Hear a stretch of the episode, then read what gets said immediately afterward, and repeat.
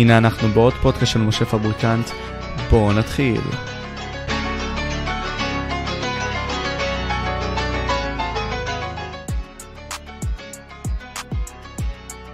אחי, אחי, אחי, מאמן. לא זהו, התחלנו כאילו, הכל טוב. לא, לא, לא, לא, לא הפעם. לא הפעם, לא הפעם, אחי. למה? וואלה, באמת, אבא של מי, וואי, תקשיב, קרה לי סיפור בצבא, שאבא של חבר שלי מת בשתיים בלילה, אחי. sad fucking thing? אה. אבל שאלה, שאלה סבבה. קודם כל צ'אט, שנייה, שנייה, לא, אני אשאל עכשיו, וואי, רגע, לא שומעים את גיא? מה לא שומעים את גיא? הולי שיט. טוב, אני אסדר את זה, רגע, רגע, רגע, רגע. טוב שלא שמעו אותו. היי צ'אט, הנה עכשיו שומעים, רגע, דבר שנייה חברי היקר. מדבר, מדבר.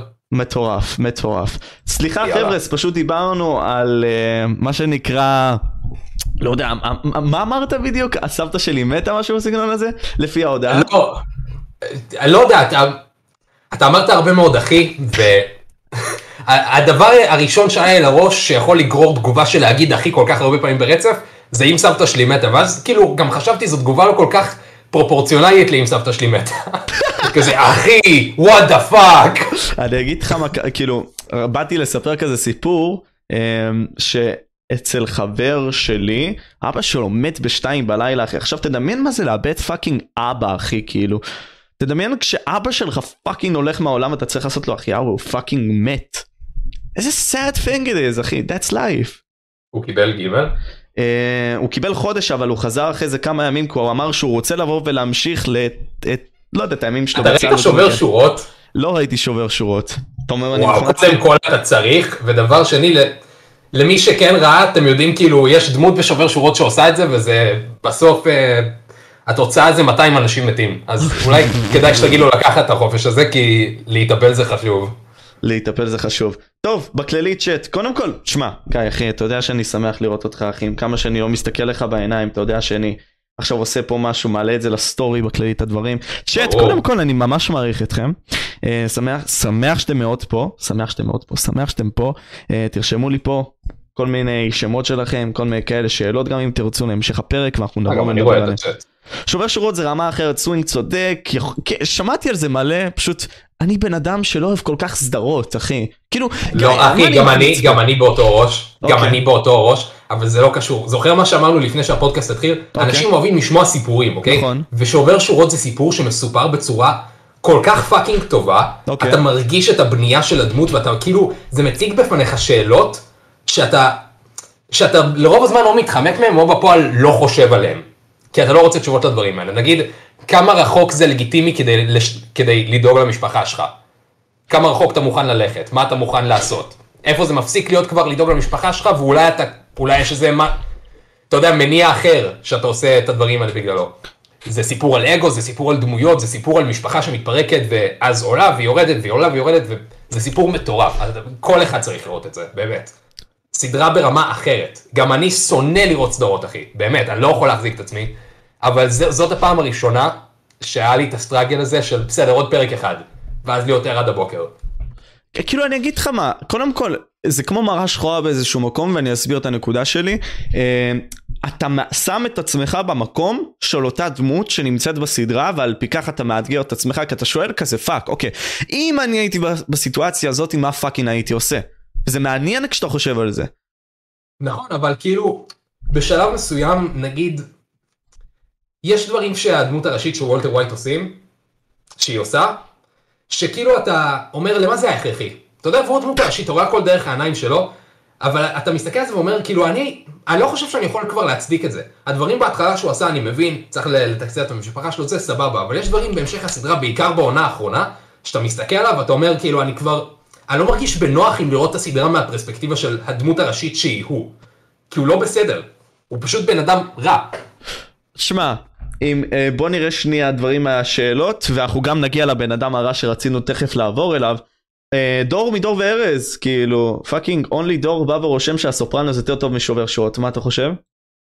האמת שאני אני לא יודע, כי הסופרנוס, נגיד אבא שלי ראה שובר שורות, וגם הסופרנוס, והוא אהב יותר את הסופרנוס. אני עדיין לא ראיתי את זה, אה, אבל אני כן ראיתי קליפים, וזה נראה מאוד מאוד טוב. גם אני חושב שטוני סופרנו זכה בפרק בסדרה שאני מאוד מעריך ביוטיוב, קוראים לה Analyzing Evil, שכאילו מנתחים את הדמויות, מנסים להבין למה הם מתנהגים בצורה שהם מתנהגים בה. ניתוח פסיכולוגי, אני מאוד אוהב דברים כאלה. וראיתי את הזה של טוני סופרנו למרות הספוילרים, כי באמת לי לא אכפת מספוילרים. גם לי. אז ראיתי את זה וזה נראה מאוד מאוד מעניין, גם המאפיה בכללי, זה נושא שהוא מרתק, גם במציאות. אז אתה יודע מה בוא ניקח אותך לשאלה הזאת סבבה אנחנו רצינו לדבר על הבחור הבא נראה לי תנסה לזהות אותו על פי מה שאני עושה אוקיי? עכשיו שאלה שלי היא כזאת אוקיי אם נבוא ונזרום עם הניתוח הזה של הרע כלומר ננסה לעשות לו ניתוח פסיכולוגי לאותו בחור אוקיי? מי מבחינתך הוא אנדרו טייט? היטלר. אוקיי. לא מן הסתם שלא עד כדי כך כן אני לא משווה את אנדרו טייט להיטלר אבל הוא עושה מניפולציות style היטלר, לזה אני מתכוון, וזה לא משהו כזה נדיר כמו שאתה חושב, פשוט נדירים האנשים שיכולים להצליח עם זה ברמה שאנדרו טייט הצליח בה. תסביר, כאילו, אוקיי, סבבה, קודם כל אתה אומר לי שהוא מנהיג כריזמטי, ככה אני מבין ממה שאתה אומר, והוא מצליח להוביל קהל. אנדרו טייט מאוד מאוד כריזמטי, נכון, הוא מצליח להוביל קהל שמתבסס, קהל שנוצר בעיקר בגלל הקטנה וכעס שנמשכה במשך כמה שנים. אוקיי. ואם תשים לב בכללי, כל אנדרו טייט זה בעיקרון שחזור של מה שקרה עם ליפי ב-2016, זה כל הזמן עולה ויורד. הדעות הימניות והדעות, והדעות השמאליות. ב-2016 ליפי הגיע, והוא דיבר בתור הרבה אנשים שהיו באינטרנט ורצו להגיד דברים שבתכלס הם לא אמורים להגיד. לראות איזה סרטון cringy ולרצות להגיד לבחור שעושה אותו, שומע אחי תתאבד. כולם רוצים לעשות זה במקום מסוים, אבל הם לא עושים את זה כי הם אחלה אנשים. נכון. ליפי בא וייצג את האנשים האלה שכן רוצים לעשות את זה ואת הרצון הזה ובלה בלה בלה. אז אנשים העריצו אותו באותה תקופה, גם אני הערצתי אותו, חשבו שהוא האינטליגנט האינטלקטואל של יוטיוב, ושנתיים אחרי אותם האנשים האלה שהעריצו אותו, כמוני, מסתכלים עליו ואומרים כאילו, I fucking admired that, את ה-no chin stupid ass הזה. אתה מבין, אני חושב שזה בדיוק מה שיקרה עם אנדרו טייק, כי ממש אחרי ליפי, אחרי הגל הענקי הזה של הימין כביכול, אז השמאל, כל הפמיניזם והשוויון זכויות וקבלת האחר יותר עלה, וזה הקטין נורא את הימין, את כל הדעות היותר ימניות האלה, עד שהימין כל כך כעס, שעכשיו, עוד פעם, מה שקרה ב-2016, הימין מתפרץ. אתה מבין? זה פשוט גלים, זה יחזור לעצמו ותהיה בטוח שעוד שנה שנתיים אנשים שאהבו את אנדרו טייט יגידו איך, איך עשיתי את זה. אוקיי, אז בוא, בוא נעלה את הסצנריו הזה. קודם כל אמרת שהוא אה, כמו היטלר, ואני יכול להבין את ההשוואה, אתה כאילו אומר לי ש... לא, באיזשהו- לא, לא, בוא, בוא נדגיש שנייה, בוא נדגיש שנייה, אנדרו טייט לא קרוב ללהיות גרוע כמו היטלר, אוקיי? לא, לא, לא, לא, לא, הכוונה שלי מבחינת המשיכה שלו, של הקהל עצמו, איך שהוא בא ומשך אותה, what the fuck יש לי ביד. ו... לא, לא, לא, לא, לא הגזמתי ככה, נראה לי ליפי עשה, יכול להיות שאני טועה, אבל לא משנה. בקיצור, וואי, אפשר, אפשר שנייה לעצור רק כדי להגיד משהו? אוקיי, אתה יכול. זה 2019 נראה לי, הדליפו nudes של ליפי, ותקשיב, היה לו זין יפה, אוקיי? הייתי בהלם, היה לו זין גדול. לא ציפיתי לזה. איך אני לא מופתע שאתה אמרת את זה עכשיו. תמשיך בבקשה, נו. אז אתה רואה ש... אוקיי, במעבר מליפי לזה, להיטלר, אוקיי. אז אוקיי, היטלר הצליח למשוך קהל, אחי, בצורה שהיא מאוד כריזמטית והכל. ב- ב- ב- באותו הקשר שהקהל, פשוט האנשים רצו מישהו שיגאל אותם מייסוריהם. אה, ופה אני חושב שהגברים, במיוחד בכל מה שקשור לגברים נשים, אה, זו סוגיה תמיד מעניינת, כי צריך שמישהו יוביל אותם, במיוחד עם העובדה שנשים מאז שחר ההיסטוריה, אבל במיוחד עכשיו, יש להם את הכוח המיני יותר מאשר לגבר. מה זאת אומרת? אם עכשיו נבוא ונעשה את הבדיקה הפשוטה, אישה תבוא ותהיה נניח בלי כלום, אוקיי, תהיה עירומה והכל, רוב הסיכויים שהיא תשכב בהרבה יותר קלות מאשר שגבר יהיה כזה. אתה יכול להסכים איתי לגבי זה? אני יכול להסכים איתך. היא הגייט קיפרית בוא נגיד ככה של המין וזה בסדר לא אומר בנוגע לזה משהו רע אוקיי? אז הוא בא ומדבר על אותם אנשים שמרגישים דיכאון דיכוי דיכוי מילה נכונה דיכוי והוא בא ופשוט אומר את מה שהם רוצים לשמוע. אותו דבר בנוגע לליפי. כלומר ליפי דיבר על הרפש שאף אחד אחר לא דיבר עליה כי אנשים פחדו לדבר עליה אחי באיזשהו מקום או שזה פשוט לא פוליטיקלי קורקט לדבר על זה. וזה מה שגרם לו להיות מצליח אבל מה שגרם לו גם לנפילה שלו כמו שאתה אומר. אז עד לפה כאילו ניתחתי את זה נכון?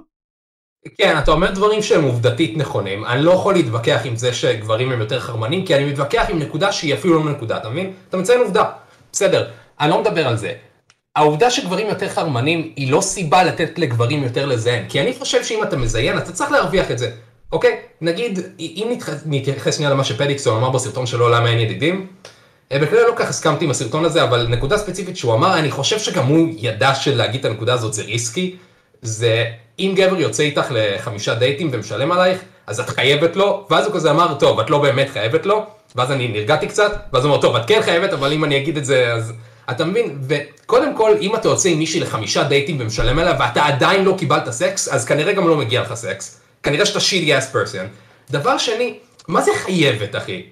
אני חושב שהמסר שהוא צריך להעביר זה אם אתה יוצא עם כאילו חמישה דייטים עם בחורה ומשלם ולא קורה כלום, אין התקדמות, לא אינטימית, לא תמונות, לא זה, אולי, אחי, אולי חייבת משהו אבל לא סקס, אתה מבין? לא חייבת ללכת לאקסטרים הזה. אם אין התקדמות באינטימיות בצורה כלשהי, אז אתה צריך לוותר. לוותר על בדיוק על מה? ל- לוותר על, ל- כאילו, על לרדוף אחריה.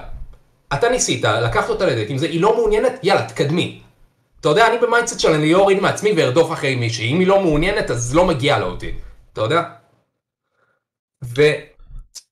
ולהגיד, את חייבת, אז זה...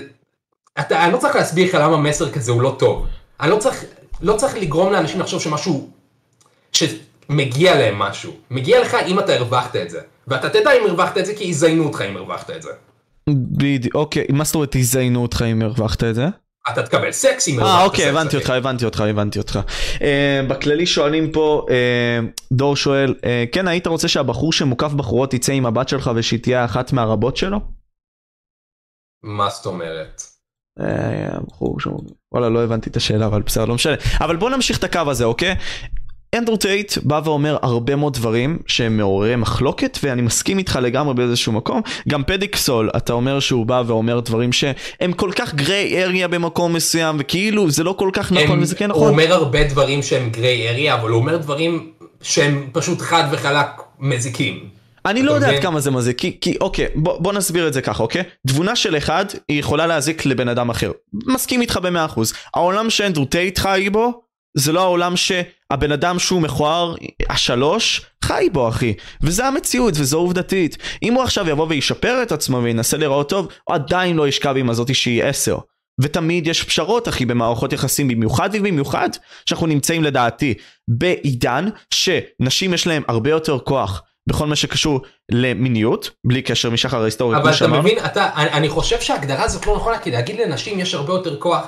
לנשים יש עכשיו את היכולת לבחור, אתה מבין? זה משהו שלא היה הרבה גם פעם. רציתי זה להגיד מה את זה. שאנחנו מגדירים כוח. זה, זה נראה לי אבסורד, שאנחנו מגדירים כוח היכולת לבחור בצורה אמיתית, של להגיד כן או לא, אם אתה רוצה להזדהן עם מישהו אתה מבין? זה לא כוח אחי, זה basic human right. זה לא basic human right, כי יש גברים שלא מקבלים את זה, אחי. נכון, אז אני חושב שגברים נשים. שלא... גברים שלא מקבלים את זה שאישה יכולה להגיד להם לא, אני חושב שהם פשוט מושכים אותנו אחורה. כי הנשים הם בעיקרון, מה זה בעיקרון? נשים הם חצי מהאוכלוסייה האנושית, אחי, אוקיי? וללכת אחד נגד השני, זה דופק אותנו בסוף, לריב על דברים כאלה כמו סקס וזה. שהתשובה לזה היא כל כך פשוטה. אם מישהי רוצה לשכב איתך, היא תשכב איתך, אם לא, אז לא. זהו. טוב, בוא נתחיל לאט לאט בארגומנטס שאנחנו נעלה, ואני אשמח לבוא ולדבר איתך, אוקיי? אמ, טוב, אה. אוקיי, מה אתה חושב על הטייק שלו? ואני זוכר על זה שדיברת על זה בסרטון, כי הגבת בעצם לטייקים הידועים שלו. אה, מה אתה חושב על הטייק שלו של דיכאון, סבבה? כאילו, האם זה משהו שאתה צריך לבוא ולשנות בחיים שלך? כאילו, מה זה אומר בעצם דיכאון מבחינתך? ואיך אתה מסתכל איך שאנדרו טייט מדבר על זה. ולפני זה, אוקיי, לפני שאתה בא ומרחיב על זה, אני רוצה לתת את ההגדרה של דיכאון. דיכאון היא הפרעה נפשית המתאפיינת במצב רוח ירוד, בהיעדר מוטיבציה וחוסר עניין. אתה יכול להקריא את ההגדרה של דיכאון קליני? דיכאון קליני, בוא נעבור עליה. לא, אני לא... לא, אני לא, לא לא, עברתי עליו מקודם, אז אה, אני פשוט רוצה, אני legit רוצה שתקריא לא, את זה. לא, לא, כדי- סבבה, סבבה, כדי שנתחיל לבסס מפה כאילו את ה shit. כן. אין בעיה. דיכאון קליני היא הפרעה נפשית המאופיינת בדפוס נרחב ומתמשך של מצב רוח ירוד, שאליו מתלווים הערכה עצמית נמוכה ואובדן עניין והנאה אה, מפעילויות מהנות וחרדה וכל מיני כאלה. אוקיי, אז בוא נגיד ככה, דיכאון קליני זה משהו שאתה נולד איתו. אה, לא, אה, יותר נכון, מאופיין לבוא ולחוות אותו דיכאון קליני. הרבה יותר חופף עם משהו נגיד כמו אלצהיימר. אוקיי, אתה יודע? אוקיי. דיכאון, אני חושב שזה זה קטע בכללי שאנדרו טייט אה, הוא עושה הרבה, יש לו טייקים שהם נכונים, שהם שוב עובדתית נכונים ואני לא יכול להתווכח איתם כי הוא באמת אומר עובדות. נגיד הוא מציין את העובדה שגברים יותר חזקים מנשים פיזית. הוא יכול להגיד זה עד מחר, הוא יכול לפגוע בכמה אנשים שהוא רוצה עם זה, זה נכון. אוקיי? זה לא משנה מה אנשים אומרים. אוקיי. ואז הוא מכסה את זה בעוד ועוד חרא, ומעקם את הנקודה המקורית כדי שתתאים למה שהוא אומר. זאת, שוב, אלה אחלה מניפולציות סטייל היטלר. אבל לא, אבל ש... כן. הטייק לגבי דיכאון, הוא אמר, כולם מרגישים מדוכאים בשלב מסוים, לא לכולם יש דיכאון קליני, זה ההבדל העיקרי, ואני חושב שצריך להכיר במחלה כזאת, כי הרבה אנשים, לפי מה שאני רואה, מהתגובות שקיבלתי על הסרטון שלי, או בתגובות של טייק בכללי, שהרבה אנשים לא מבינים את ההבדל, וזה הבדל משמעותי, מאוד, כי דיכאון זה פשוט להרגיש חרא, אוקיי? זה מה שטייט מדבר עליו. דיכאון קליני זה ייאוש ברמה שאני ואתה לא מסוגלים להבין אפילו. אפילו אני שאובחנתי עם דיכאון, אין לי דיכאון קליני, אחי. ואני לא מקווה שיהיה לי את זה, ואני לא מאחל את זה לאויבים הכי גרועים שלי, כי אני מכיר אנשים עם דיכאון קליני, וזאת מחלה שהורסת את החיים באמת כמו אלצהיימר. אתה, אתה לא יכול לדמיין, כאילו, אני ואתה לא יכול לדמיין, נגיד, כמות כל כך, כאילו, ענקית של דיכאון, שאתה אפילו לא מסוגל לצאת מהמיטה. אתה יודע? לא, אני מבין. יש גם אנשים שמאופיינים גנטית לבוא ולהיות מאובחנים בדברים האלה. אני לא אומר שלא. אני מאובחן גנטית, אחי. לא, לא וואלה. קרה לי איזה משהו בחיים שגרם לי לדיכאון. לאימא שלי יש דיכאון, לסבתא שלי יש דיכאון, לסבתא שלה יש דיכאון. אז אוקיי, פה אנדרו טייט בא ואומר את הדבר הבא, אוקיי? יש לך דיכאון, סבבה?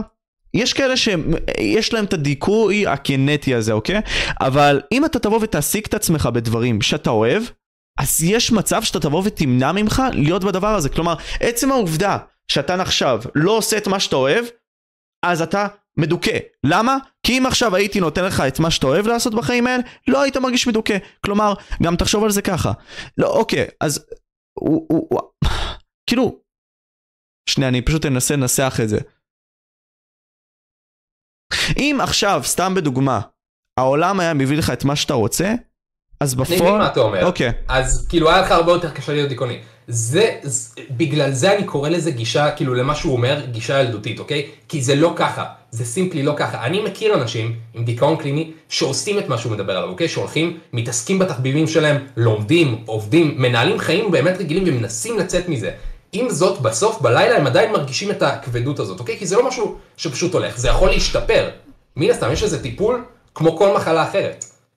ואם אתה לא עושה משהו עם המחלה הזאת, זה שאתה מדוכא זה 100% אשמתך, אוקיי? אבל זה מה שאני רוצה שאנשים יבינו, שגם במקרים מסוימים, לא בכל המקרים, במקרים מסוימים, גם אם אתה הולך, אתה עושה את מה שאתה רוצה, אתה מתעסק במה שאתה אוהב, אתה עושה את הכסף שאתה רוצה, אתה מדבר עם האנשים שאתה רוצה לדבר איתם, זה לא עוזר.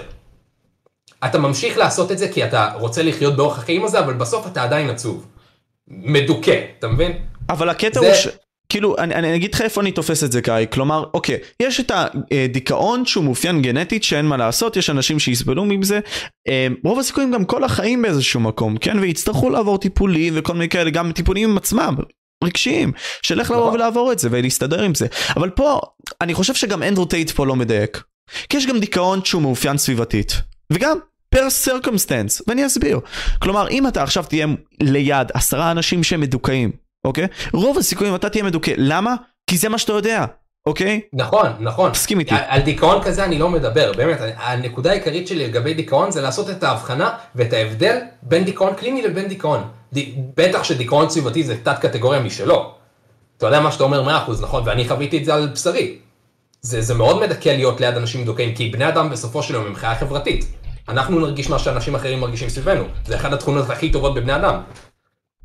אבל אוקיי. זה, זה, זה ההבדל העיקרי, שלא מש... כאילו דיכאון קליני זה דיכאון בכל מצב. לבד עם אנשים, אנשים שמחים, אנשים עצובים, זה לא משנה. וזאת זאת כאילו ההבחנה העיקרית שאני רוצה שאנשים יעשו.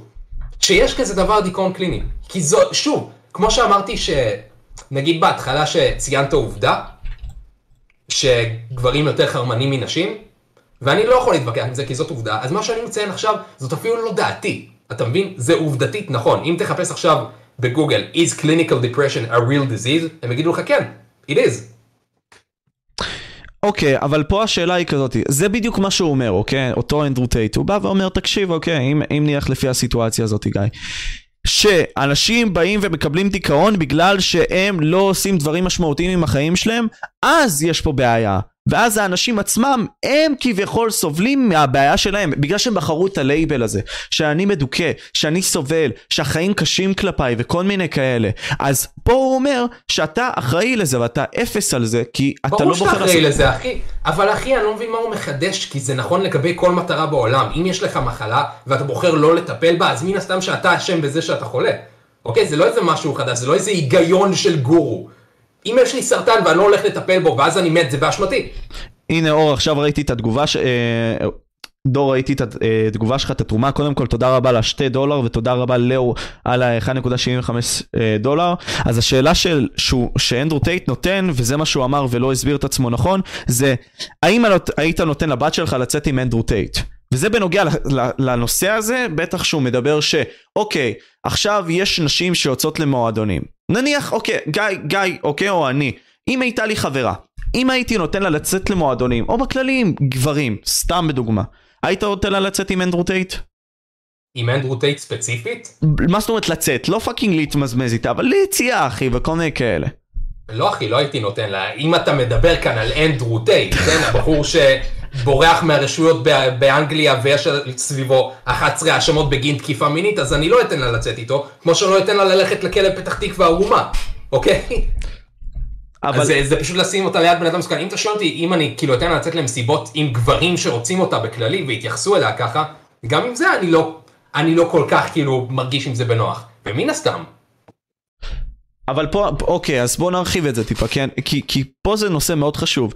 כי במקום מסוים, אוקיי, יש לך פה מערכת יחסים עם מישהי, או לי יש מערכת יחסים עם מישהי, או לכל אחד מאיתנו מהקהל יש, ואנחנו צריכים לבוא ולתת לה איזשהו, איזשהם גבולות באיזשהו מקום, אוקיי? אבל בפועל, אם אנחנו נשים את הגבולות האלה, זה יכול לבוא ולדכא אותה, בפועל.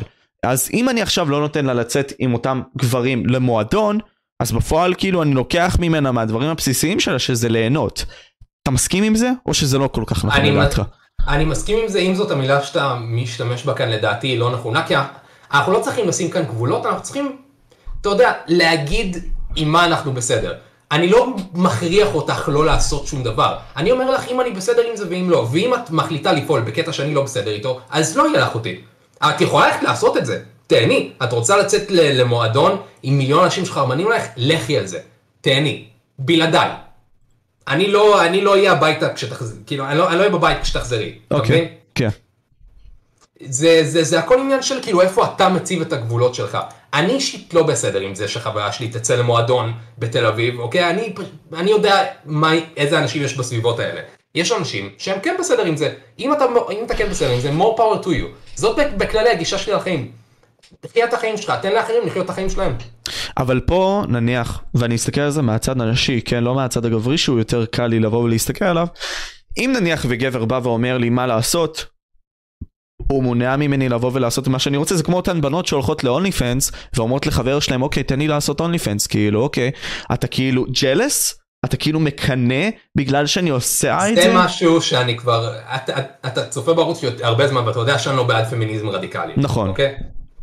זה משהו שהוא, נשים מסתכלות יותר מדי על מה שגברים עושים במשקפת גברית, כאילו של, שהם מסתכלים על נגיד מנכ"לים איתה, במקום בן זוג, אוקיי? אני לא צריך להסביר לך כאילו למה, זה, למה אני לא רוצה שתצאי למועדון עם עוד מיליון גברים שרוצים אותך, אוקיי? זה מובן מאליו, זה לא בגלל שאני שולט, זה בגלל שאני בן זוג שלך, ואלה יחסים בין אנשים, וזה היה ככה למשך כל ההיסטוריה.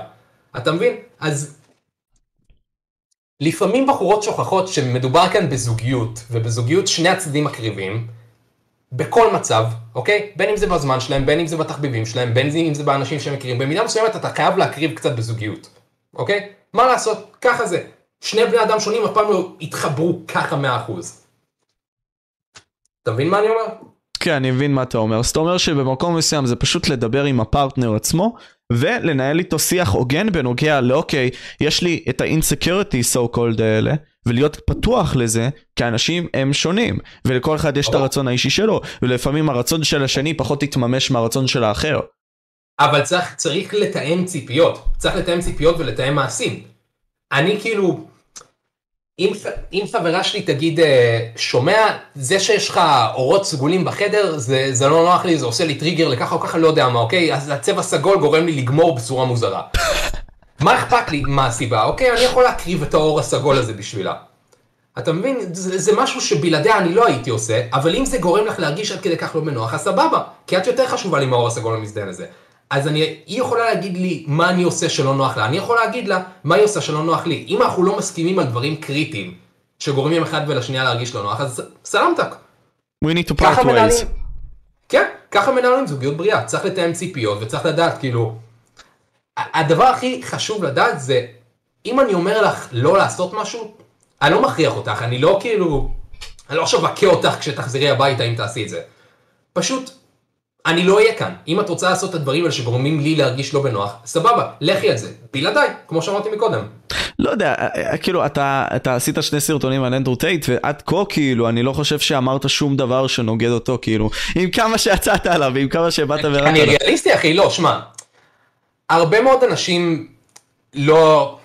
לאנדרו טייט יש דעות שהן נכונות, אוקיי? אי אפשר, אף בן אדם לא מצליח כמו שאנדרו טייט הצליח, אם אין לו דעות שהן נכונות. עם זאת, יש לו הרבה מאוד נקודות שהן גם שגויות. בן אדם לא טועה בהכל, אוקיי? אבל חלק מאוד גדול מהדעות שהוא, שהוא מפרסם, הן לא נכונות לדעתי. זה שאני חושב שבזוגיות צריכה להיות גבולות, אחי, מי לא חושב ככה? זה לא דעה שרק אנדרו טייט פרסם, זה היה ככה אשכרה כל ההיסטוריה. אוקיי, אבל בנוגע לדיכאון, אוקיי? בוא נחזור לנושא הזה, כי שוב, אנחנו לא רוצים לבוא ולהוריד מהמחלה עצמה, אני חושב שזה מאוד חשוב לבוא ולהוריד אותה. אבל פה הוא מדבר לאותם אנשים שנתפסים בדיכאון כמשהו שהוא די אסנצ'יאל לחיים שלהם, אוקיי, סבבה, החיים באו ו... אה, הפסדתי בחיים האלה, קשה לי וכל מיני כאלה, אין מה לעשות, אני, אני נמצא בתחרות מתמשכת בנוגע להכל, בין אם זה בגברים עם נשים, בין אם זה בשוק העבודה והכל, ופתאום קיבלתי דיכאון, למה? כי החיים נפלו עליי. אז השאלה העומדת היא כזאתי, האם אתה בא והולך עם זה ואומר אוקיי אני מדוכא אני לא אעשה כלום או האם אתה בונה את עצמך למען שיפור עצמך. ברור שאתה בונה. כי, ב... כי פה יש הבדל אחי כי יש את הדיכאון הזה שדיברנו עליו שיש אנשים ש literally מדוכאים לא משנה מה אתה תעשה כי הם נולדו ככה מאז שהם צעירים. על זה אני מדבר אחי כי מה שאנדרו טייט אומר לגבי דיכאון זה נכון אוקיי שאתה צריך ללכת ולעשות shit ומן הסתם שאם לא תעשה כלום אתה תהיה מדוכא. אוקיי? זה נכון, אבל להגיד דיכאון זה לא דבר אמיתי, זה statement כל כך טיפשי ומסוכן שמקטין את המחלה. להגיד אם אתה בדיכאון תתעודד, ולהגיד דיכאון זה לא מחלה אמיתית, זה להגיד אם יש לך אלצהיימר תעשה תרגילי זיכרון.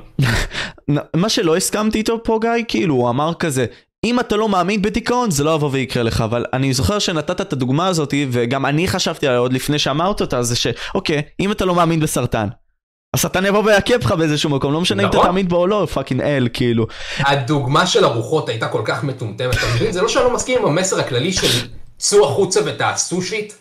למרות שאני אישית לא מבין למה כאילו זה כל כך מיוחד כשאנדרו טייט אומר את זה. אם המסר הכללי של אנדרו טייט בנוגע לדיכאון הוא לשבת בבית זה רע ולצאת ולעשות דברים זה טוב, ואנשים צריכים שאיזה קרח בן 35 יבוא ויגיד להם את זה באינטרנט, אני הבנתי את זה בגיל 7 אחי. אז, אז המצב של הדור שלנו הוא ממש דפוק. אפילו אנדרו טייט בעצמו אומר את זה. אחי, אם אתם צריכים מישהו באינטרנט שיבוא ולהגיד לכם שלעשות דברים זה טוב, אז יש לכם בעיה רצינית. אבל אה, יש פה מרבדים אחי שהם מאוד מאוד מאוד מאוד מאוד קשים להסביר אותם אחי כי אנחנו נמצאים בדור אינטרנטי שבהרבה מאוד מהמקרים רוצים להרוויח עלינו ובגלל שרוצים להרוויח מאיתנו אחי תחשוב על זה בצורה מאוד הגיונית בין אם זה בגלל אוקיי אה, פורנו. אוקיי רוצים לבוא ולתת לנו פורנו כדי שאנחנו נהיה יותר חלשים ואחרי זה ככל הנראה כשאנחנו נהיה יותר חלשים אז נצטרך ספלמנטס למה ספלמנטס כי אנחנו עייפים וכל מיני כאלה ואנחנו לא יודעים מה אחי לעשות. זה כבר מה זה יורד לקונספירציות, לא, לא, לא, אבל זה לא קונספירציות. אבל זה לא קונספירציות אחי, כי literally יש הרבה מאוד נגיד חברות אחי, כמו חברות הפארמה שמקושרות לחברות אחי שמוציאות נגיד סתם בקרנות הסרטן אוכל מסוים, שהם נותנים לאותם אנשים שחולי סרטן, ואז הם באים ומזרזים את התהליך שלהם, ופוגעים בהם וכל מיני כאלה. אם זה נכון, אני לא שולל מה שאתה אומר, אם זה נכון, קודם כל זה אחלה של ביזנס. ברור, סבבה? אבל זה מה שקורה אחי. בנוגע לפורנו ספציפית, בנוג... כאילו, כמו כל דבר אחר בעולם, זה עניין של שליטה עצ... עצמית ומינון. כמה אתה רואה פורנו, כמה אתה מביא בעד, כמה אתה עושה ככה וככה, כמה אתה מרשה לעצמך.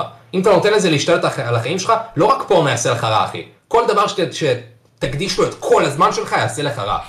אין בעיה, אבל הקטע הוא עם הדור שלנו אחי, ומי כמוך יודע ומי כמוני יודע במקום מסוים, זה שזה כל כך מונגש לנו אחי, ואתה לא יכול לעשות עם זה כלום, וזה קל, כי אתה אומר לעצמך אוקיי, אני לא רוצה לבוא וללכת עכשיו לאישה הזאת שנמצאת ברחוב, ולמה? כי אני יכול לבוא ובאמת לשחרר את היצר האישי שלי, בלי להרגיש מה זה אפילו מין, בצורה שהיא די סטנדרטית אחי, אתה יודע, כל ההחדרות, כל ההרגשות. המתאימות, אבל, זה אבל, הדור, ואז האקספקטיישן אחי. אני לא חושב שפורנו זה אקספקטיישן, אצלי לפחות עשו עבודה מאוד טובה בלהדגיש שפורנו זאת לא המציאות, אוקיי? דחפו לי את זה מ-day one. אני יודע שאני לא צריך לתפעל כמו שיש בפורנו, אני יודע שזה לא ריאליסטי לצפות ממני לתפקד ככה. אתה מבין? אני לא יודע כמה אנשים, בגלל זה, יש לי קטע כזה שאני חושב שדברים שמובנים מאליו אליי, הם מובנים מאליו לכולם. ובגלל זה שאני, כשאני שומע שאנשים אשכרה מושפעים מפורנו בצורה שהם חסרי ביטחון אם הם יתפעלו כמו פורנו או לא, זה, זה הלם בשבילי. זה נראה לי אם כאילו מישהו ש... אתה יודע, הוא לא... הוא... צורת החשיבה שלו לא, לא, לא איתי על אותו הפס.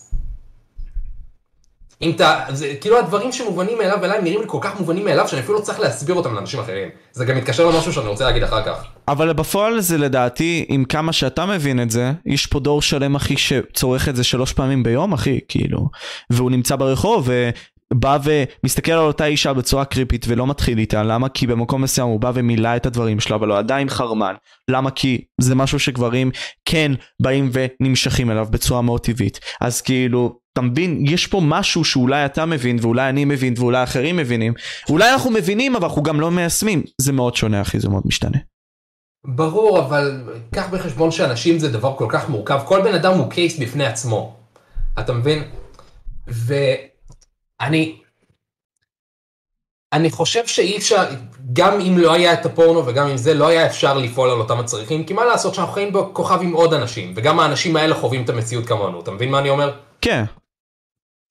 זה הכל, אבל כאילו בנוגע למה שאמרתי מקודם, רציתי להעלות את זה גם לפני, קראתי לאנדרו טייט בסרטון שלי טיפש, נכון? אין, אין ספק, אמרת יותר דברים גרועים, אבל כן, כאילו בפועל. בסדר, אחי, דווקא זה משהו שאני מקבל כבר שנים, ששואלים אותי למה אני מקלל בסרטונים שלי, אתה יודע למה אני מקלל? למה אתה מקלל? כי זה מצחיק. anyway, אז אני קורא לאנדרו טיפש.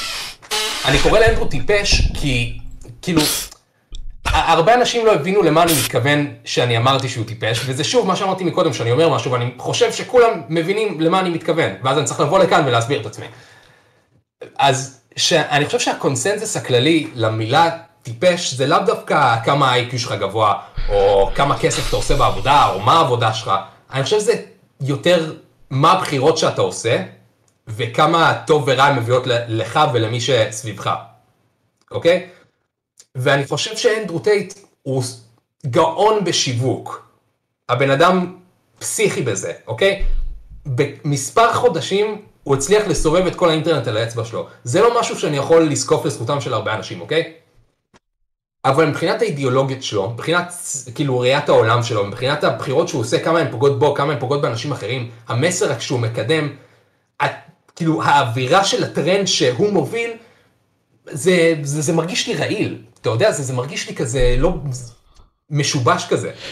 אבל אני אגיד לך למה, כי קודם כל, תחשוב על זה ככה, ראיתי ממש פודקאסט שלו, ראיתי כמה כמובן, התכוננתי לפרק הזה, אבל ראיתי פודקאסט שלו והוא אמר כזה, אוקיי, אנחנו בני אדם מאוד רג, אה, רגישים באיזשהו מקום, מונעים הרבה מאוד מרגש. מה שהרגש במקום מסוים גם ויראלי, כשאתה חושב על זה. כשאתה בא ומוציא מהבן אדם את כל השליכטה שלו עליך, זה ויראלי, אין מה לעשות, זה תמיד תופס. אז הוא בא ובכוונה כל פעם מתריס נגד האנשים שהם נגדו בפועל, בשביל לבוא ולתפוס מהם את התגובות האלה. אתה מבין? במקום לבוא ולהגיד נכון. עכשיו שגבר יותר חזק מאישה, הוא יאמר אישה, נשים הן חלשות. ואז הבן אדם השני ינסה להוכיח את זה שנשים לא באמת חלשות יחסית. שוב, אני מדגיש, אני מדגיש, בזמן שאנדרו טייט טיפש ואני עומד על זה במאה אחוז, בשיווק הבן אדם גאון, בלהכניס כסף, הבן אדם יודע את ה shit שלו. יותר טוב ממני ויותר טוב ממך, וכנראה גם יותר טוב מרוב האנשים במדינה, אוקיי? אנדרו טייט באמת גאון בשיווק. אבל אפשר לתת דוגמה מאוד controversial שנייה? לך על זה אחי. רציתי תגיד אוקיי, היטלר אחי. ואני רוצה, אני בא להגיד היטלר, בגלל זה אני אומר את זה. אני רוצה להדגיש לפני שאני מדבר על זה שאני מנתק כאן כל מוסר וכל רגש ואני מדבר solely בפן העובדתי, אוקיי? אוקיי. היטלר, היטלר היה גאון, אוקיי? ואני לא אומר את זה לפי מה שאני חושב, אני אומר את זה שהוא עובדתית מבחינת הרמת IQ שלו, הבן אדם היה גאון, היה לו 140 IQ. ותחשוב על זה שהוא היה גאון בפוליטיקה, הוא היה גאון פוליטי, הוא היה גאון כלכלי, הוא היה גאון כריזמטי, הוא... והוא ידע כל כך טוב איך אנשים עובדים בדיוק באותה צורה שאנדרו טייט משתמש בה. של אנשים כועסים, והוא יודע שאנשים רוצים לצלוב מישהו, ואנשים כאילו, אנשים כועסים יוצרים אנשים פועלים, אתה מבין? והיטלר ידע את כל זה, והוא הצליח לעשות מניפולציות ולגרום לקבוצת אנשים של כמה מאות מיליונים להאמין בתורת הגזע, שזאת התורה הכי מטומטמת והכי מפוברקת שקיימת, והוא גרם ל-200 מיליון, איזה 200 מיליון? יותר אנשים להאמין בזה בלב שלם, לא סתם להאמין בזה, גם לצאת למלחמה. ואף אחד לא אוהב מלחמה, אוקיי? כולם יודעים שמלחמה זה מוות וזה חרא. והיטלר גרם לאנשים לצאת לזה בלב מלא, אוקיי? אז מבחינת, בכל הדברים האלה, בלתחמן אנשים, בלגרום לאנשים להרגיש שייכות ולגרום לכולם לשנוא קבוצה מסוימת כל כך שהם רוצים להקריב את החיים שלהם בשביל זה, היטלר גאון. עם זאת שהיטלר גאון, תראה לאן הבחירות שלו הובילו, אוקיי? הבחירות שלו הובילו לזה שבסופו של דבר הוא היה צריך לשים לעצמו כדור בראש, בשלב, בשלב מאוד מוקדם, שזה מוות נוראי אגב, ובנוסף לזה שלנצח הוא ייזכר בספרי ההיסטוריה כאחד האנשים הכי משוגעים, והכי נוראים, והכי מפגרים שאי פעם חיו. אתה מבין? אז למרות כל הכסף שהיה להיטלר באותה תקופה, ולמרות כל ההצלחה, הוא עדיין נחשב בן אדם טיפש, ואני חושב ששנינו יכולים להסכים שהיטלר היה מפגר, נכון? אז, אז אוקיי, אוקיי. בוא ננסה לעבור ולעבור על זה, זה גם יקשר אותי לקניה בהמשך הפרק, כי אנחנו גם נדבר על קניה עצמו, בנוגע לגם מה שהוא אמר לגבי היטלר.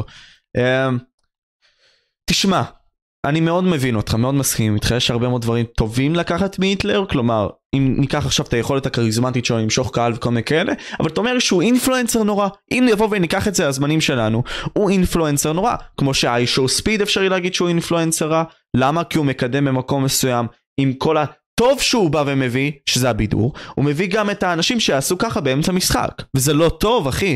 כי, כי כמה שזה מבדר, אתה רואה ילדים בני 12, אחי, שהם fucking עושים את זה, וזה משפיע לא טוב על הדור. כאילו איזה, איזה אישה תיקח אותך ברצינות, אחי. אמרתי את זה בפודקאסט הקודם, אחי, אני, מה זה מנותק ילדים על הזין שלי, אני אומר לך באמת, אוקיי? ולראות ילדים 12 שעושים זה בידור אחלה בשבילנו, אבל זה לא טוב אחי, אתה מבין?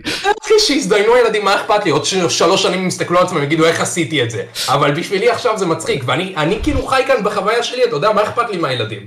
הם חיים את החוויה שלהם. החוויה שלהם מבדרת אותי על הדרך, מה רע? לגמרי אחי לגמרי אלמוני המלך זה הולך כן לעלות בספוטיפיי ואני אבוא ואמשיך את זה כאילו תחשוב על זה כן אמרנו שהיטלר עצמו כן הוא influencer רע אין ספק ובספרי ההיסטוריה לא יזכרו אותו בצורה טובה.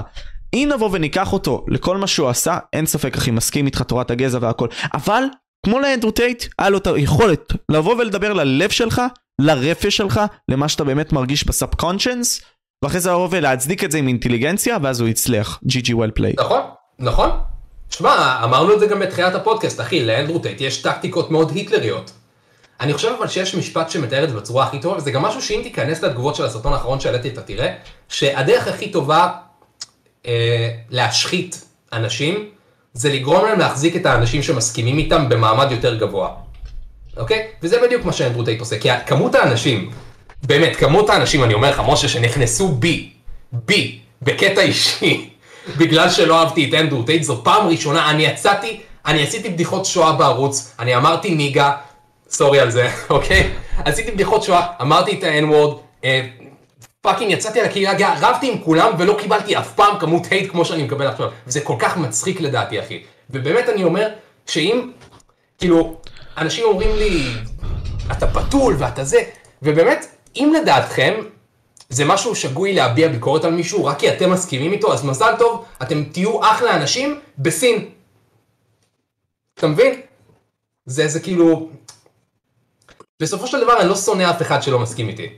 אני, אני רואה את כולם בתור בני אדם עם דעות, והעובדה שיש למישהו דעה שהוא מבסס אותה על משהו, אני יכול מאוד לכבד את זה. אני יכול להפריד את הדעה מהבן אדם, מן הסתם תלוי מה הדעה, אוקיי?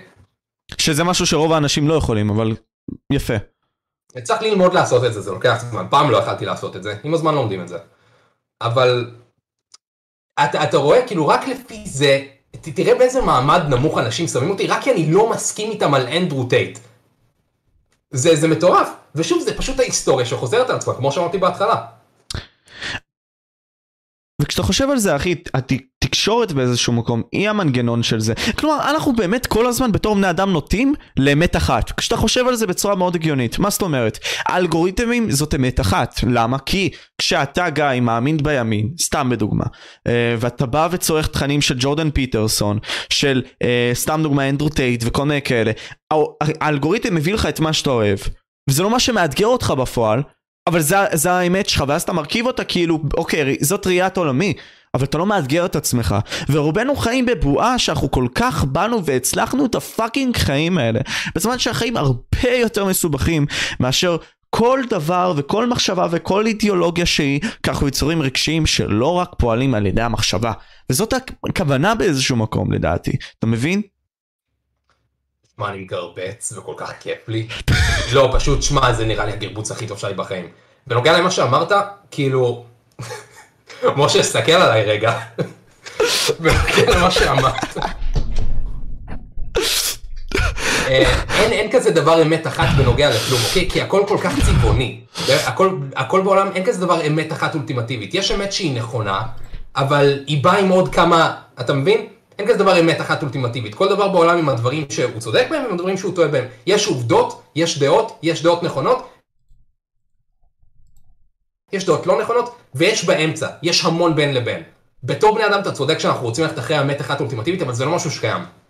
במיוחד היום, אבל כן, במיוחד היום, וזה למה זה מבלבל אותנו, כי פתאום אנחנו באים וצורכים את זה מהחדשות, פתאום אנחנו צורכים את זה משם, פתאום אנחנו צורכים את זה מפה, מפה, מפה, מפה, אז פתאום החיים נעשים הרבה יותר מסובכים, ואנחנו לא יודעים מה כל כך לעשות זה לא יותר מסובכים, אחי, תקשיב. שוב, אם תלך לתקופה של מלחמת העולם השנייה, זה לא יהיה פחות מסובך, אחי. אתה מקבל, זה יהיה אפילו הרבה הרבה יותר מסובך. אנשים פעם, בגיל שלנו, ידעו מה קורה במפה הפוליטית מאוד מאוד טוב. הרבה יותר טוב ממה שאני ואתה יודעים מה קורה במפה הפוליטית עכשיו.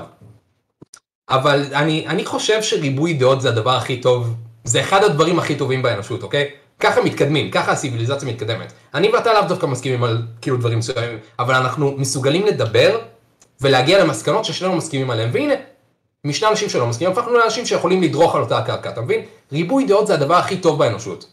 אחד הדברים הכי טובים לפחות. אבל אנחנו בונים את... שמש, אחי. אבל אנחנו בונים את ההיסטוריה שלנו אחי על דעות שהן לא מציגות את זה כלומר אוקיי נסתכל על אותו היטלר וזה משהו שקניה בא ואומר ואם כל האנשים שיבואו וייצאו עליי ויגידו שאני בא ופאקינג מגן על קניה אז קודם כל אני לא כל כך מגן עליו אבל אני כן אגן עליו כי אני חושב שיש דברים שמעניינים אצלו כשאני אצטרך אני אכנס בו כשאני אצטרך לא. אה, על היטלר אוקיי למה לא מלמדים אותנו על היטלר את הדברים הטובים שלו.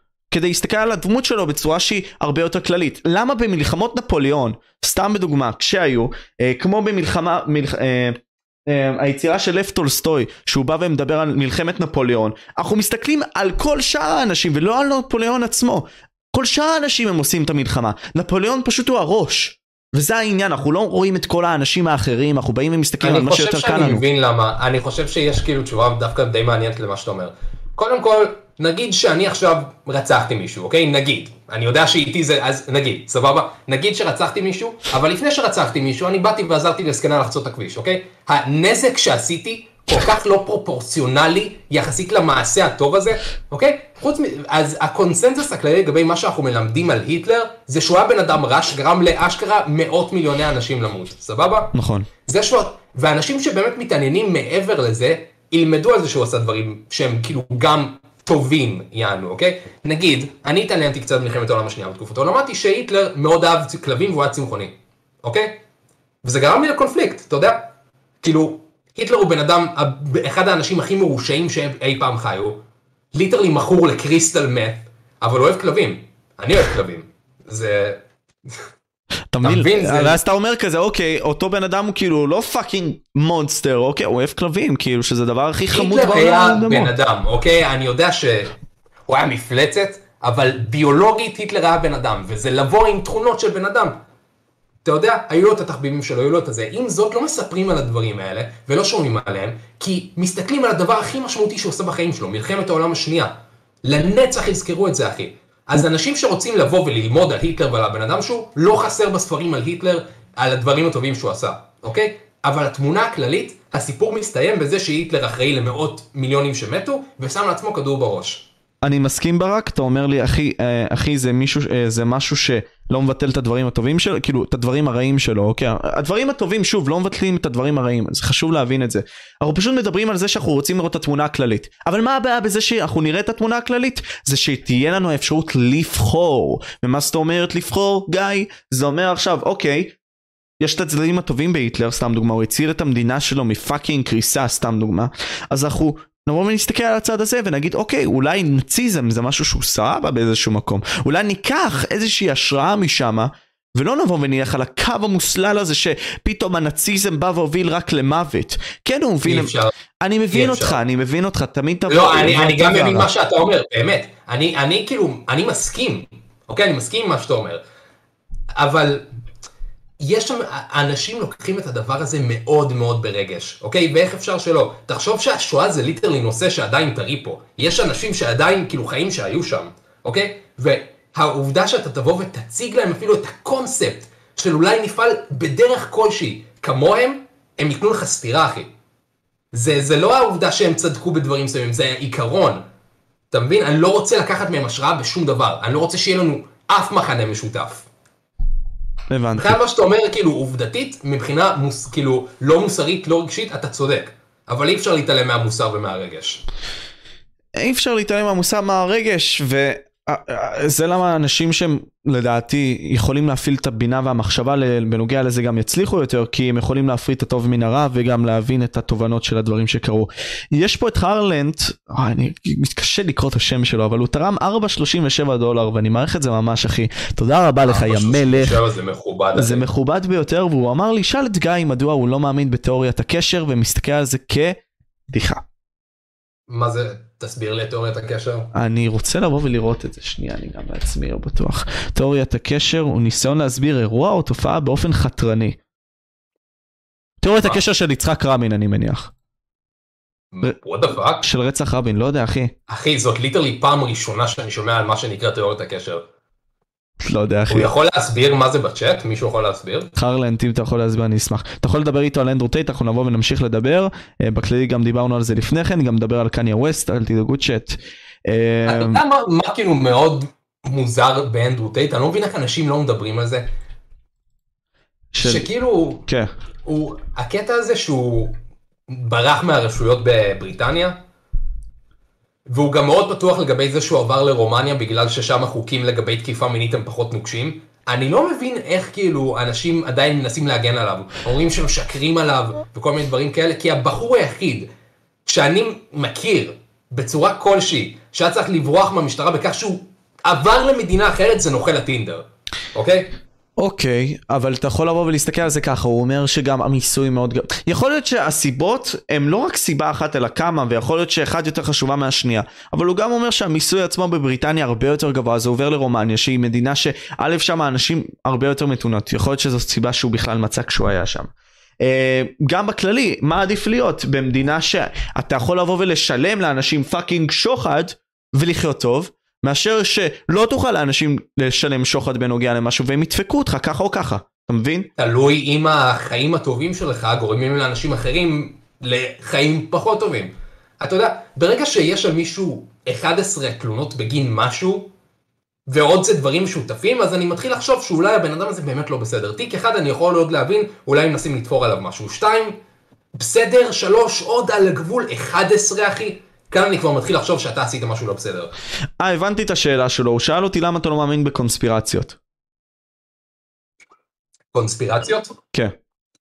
זה מאוד תלוי איזה קונספירציות, כי אה, נגיד זה שלממשלה שלנו יש, אה, לממשלה בכללי, יש אה, טכנולוגיה מטורפת, ויש להם משאבים שאנחנו אפילו לא יכולים לדמיין, וכל מיני זה. אם עבדת עם הממשלה אתה תדע כמה קשה לשמור שם משהו בסוד. כל דבר מעניין אחי אם ימציאו רובה לייזר, אתה מבין שהיום יש לכל אחד fucking מצלמה בכיס, נכון? נכון. מצלמה באיכות מאוד מאוד טובה. אז כאילו בעולם עם כל כך הרבה אנשים, לשמור משהו כל כך גדול כמו נגיד מכונות זמן או לייזרים או לא יודע מה אנשים חושבים שיש לממשלה בסוד, זה לא אפשרי. אוקיי? אני חושב שאנשים ש... זה מאוד מאוד קשה. לא לא אפשרי אבל זה מאוד קשה. מאוד מאוד. אתה מסכים איתי על זה? כן, מסכים איתך. אבל לגבי קונספירציות זה מאוד מאוד תלוי איזה. לגבי זה שכדור הארץ שטוח נגיד, אני לא חושב שאני צריך להגיד לך למה אני לא חושב שזה נכון. אבל תיתן דוגמאות של קונספירציות, אני אגיד לך למה אני לא מאמין בהן. אה, אתה מאמין שנחתנו בירח בכלל? אני, כן אחי, אני מאמין שנחתנו בירח. למה? אה, אני מאמין בזה בגלל שלהתחשב בטכנולוגיה אין סיבה שלא נעשה את זה, להתחשב במצב בין ארצות הברית, אם אתה באמת יודע את המצב לעומק של ארצות הברית ושל רוסיה במלחמה הקרה, אתה יודע שזה מאוד חשוב שהם היו עושים את זה. זה אם היו עולים, כאילו הם לא היו מסתכנים בכלל על שקר כזה, אתה מבין? פלוס, היו לנו את המשאבים, היו לנו את האנשים שיכולים לעשות את זה, והיו לנו, כאילו, היה לנו את כל מה שצריך באותה תקופה כדי לנחות על הירח. אתה מבין? פלוס כל הצילומים וכל ההוכחות וזה, ואני ראיתי את כל ההוכחות הסותרות, נגיד הקטע עם הנעליים, שזה bullshit, זה פשוט שקר. אתה מבין? כל, כל מיני דברים כאלה, בלי קשר לזה שהיו עוד הרבה נחיתות על הירח אחרי זה. לא הרבה, אבל היו לפחות עוד איזה חמש ושש. אבל אתה מבין, רוב הנחיתות, כאילו, רוב הצילומים של הנחיתות על הירח היו מאוד שונות בין הראשונה שנחתו בה, סבבה, שזה ניל אמסטרונג, לבין כל שאר האחרות שהיו. אתה מבין, יש שוני. בין אם זה בקפיצה שלהם, אם אתה תבוא ותסתכל על זה. חלקם נראות אפילו green screen כזה, אתה מבין? black screen. רגע, אז נכון. אני אשאל אותך את זה, אני אשאל אותך את זה. לא, אני אישית לא מאמין, אבל אני אומר לך שיש בבירור. אתה יכול לבוא ולהסתכל על זה ולהגיד fucking, אני מבין, אני מבין שהקונספירציות בסופו של דבר לא באות משום מקום, אוקיי? אני מבין שיש כאילו אינדיקטורים שאולי יכולים לרמוז לכיוון הזה. אם זאת תחשוב על זה מבחינת היגיון, אוקיי? ממשלת ארצות הברית, במלחמה הקרה עם רוסיה, בשיא המתח, תפשל מבחינת סצנות שמפיקים סרט זיוף על הירח? זה נראה לך משהו שממשלת ארצות הברית תעשה? א', כן. א', כן. שהיא תטעה בזה, שהיא תטעה. היא יכולה לטעות לגמרי, אחי, כאילו... היא יכולה לטעות, אבל שיש לך סט, ושיש לך זמן, ושאתה יכול לשבת ולחשב את זה, ולטעות במשהו כזה, אחי, זה טעות של fucking חובבן, לא לשים קליפים בזמן הנכון. אחי, גם JFK נרצח, אחי, בטעויות של חובבנים, סבבה? גם יצחק רבין, להבדיל אלפי הבדלות, שוב, גם נרצח מ... אה, כן, טעות של חובבנים. אבל יש הבדל בין לנסוע עם גג, עם גג פתוח ושיראו בך, לבין לערוך סרטון לא נכון. סרטון שהולך לכל העולם. היית חושב שזה יעבור בין 20 מסננים שונים לפני שזה יגיע לעיניים של אזרח, נכון? אוקיי. איפה המסננים האלה? גם אבל אבל אבל גיא, למה אף אחד לא אמר לפני זה? אוקיי. מה? דבר דבר דבר. לא אבל אתה לא מסתכל כאילו אתה גם לא מסתכל על זה ככה שהיום אנחנו יכולים אפילו לראות ב-0.25 ספיד. פעם הם לא אכלו אחי. ומה זה היה נכון. משנה להם תכלס? מה יש הוכחות לשני הצדדים אוקיי אני פשוט חושב שמבחינת ההיגיון הם לא הם לא זיפו את זה אוקיי. כי לקחת את הסיכון הזה עם רוסיה, זה, זה כמו כאילו להיות הליצן של העולם אם היו עושים משהו כזה, זה היה מוריד מאוד מארצות הברית, זה אשכרה סיכון שהיה יכול להוריד את ארצות הברית מהמעצמה שהיא עכשיו, אוקיי? אני חושב שלפי ההיגיון עדיף ליטרלי פשוט לשלוח אנשים לירח מלקחת סיכון כזה. אבל בלי קשר גם כאילו, זה, זה הישג שרוסיה מכירים בו, אתה יודע? היריבים אפילו אומרים, שומעים, הם עשו את זה. אוקיי. אה, כאילו, היית חושב שרוסיה יהיו האדוורקטס הכי גדולים של הקונספירציות האלה. זה טוב להם אם ארצות הברית לא הנחיתו את הגבר הראשון על הירח, אבל הם אומרים אפילו בעצמם, הם עשו את זה. הם הנחיתו גבר על הירח לפנינו. רוסיה אחי, רוסיה מאוד גאוותנית. אז לפי זה, לפי ההיגיון הפשוט, אני חושב שהם כן עשו את זה. אבל האמת היא שאף פעם לא נדע. האמת היא שאף פעם לא נדע. אבל שוב השאלות האלה באות ואולי אולי אולי מקרבות אותנו לאמת וזה אנחנו דנים עליהם עד היום. אה, זה שיש תמונות אף, אחד לא יודע מה הם עשו עם זה לפני או אחרי נכון מסכים זה כמו עם הקטע של רבין שסתם דוגמה לא אמרו לנו את זה אבל בכללי ערכו את הסרטון בפוטושופ והוסיפו גם ירי בכללי שמה אה, שזה עוד אה, ניואנסים שאנחנו יכולים להתעכב עליהם יש עוד הרבה מאוד דברים כאלה. טוב. אין לי ספק שאנחנו לא יודעים מה שכל הממשלה עושה אוקיי? אני פשוט חושב שזה לא כזה outlandish כמו שחלק מהאנשים גורמים לזה להיראות. אני מאמין. בוא ננסה שנייה להעלות אה, כמה נושאים נוספים. אה, יאללה.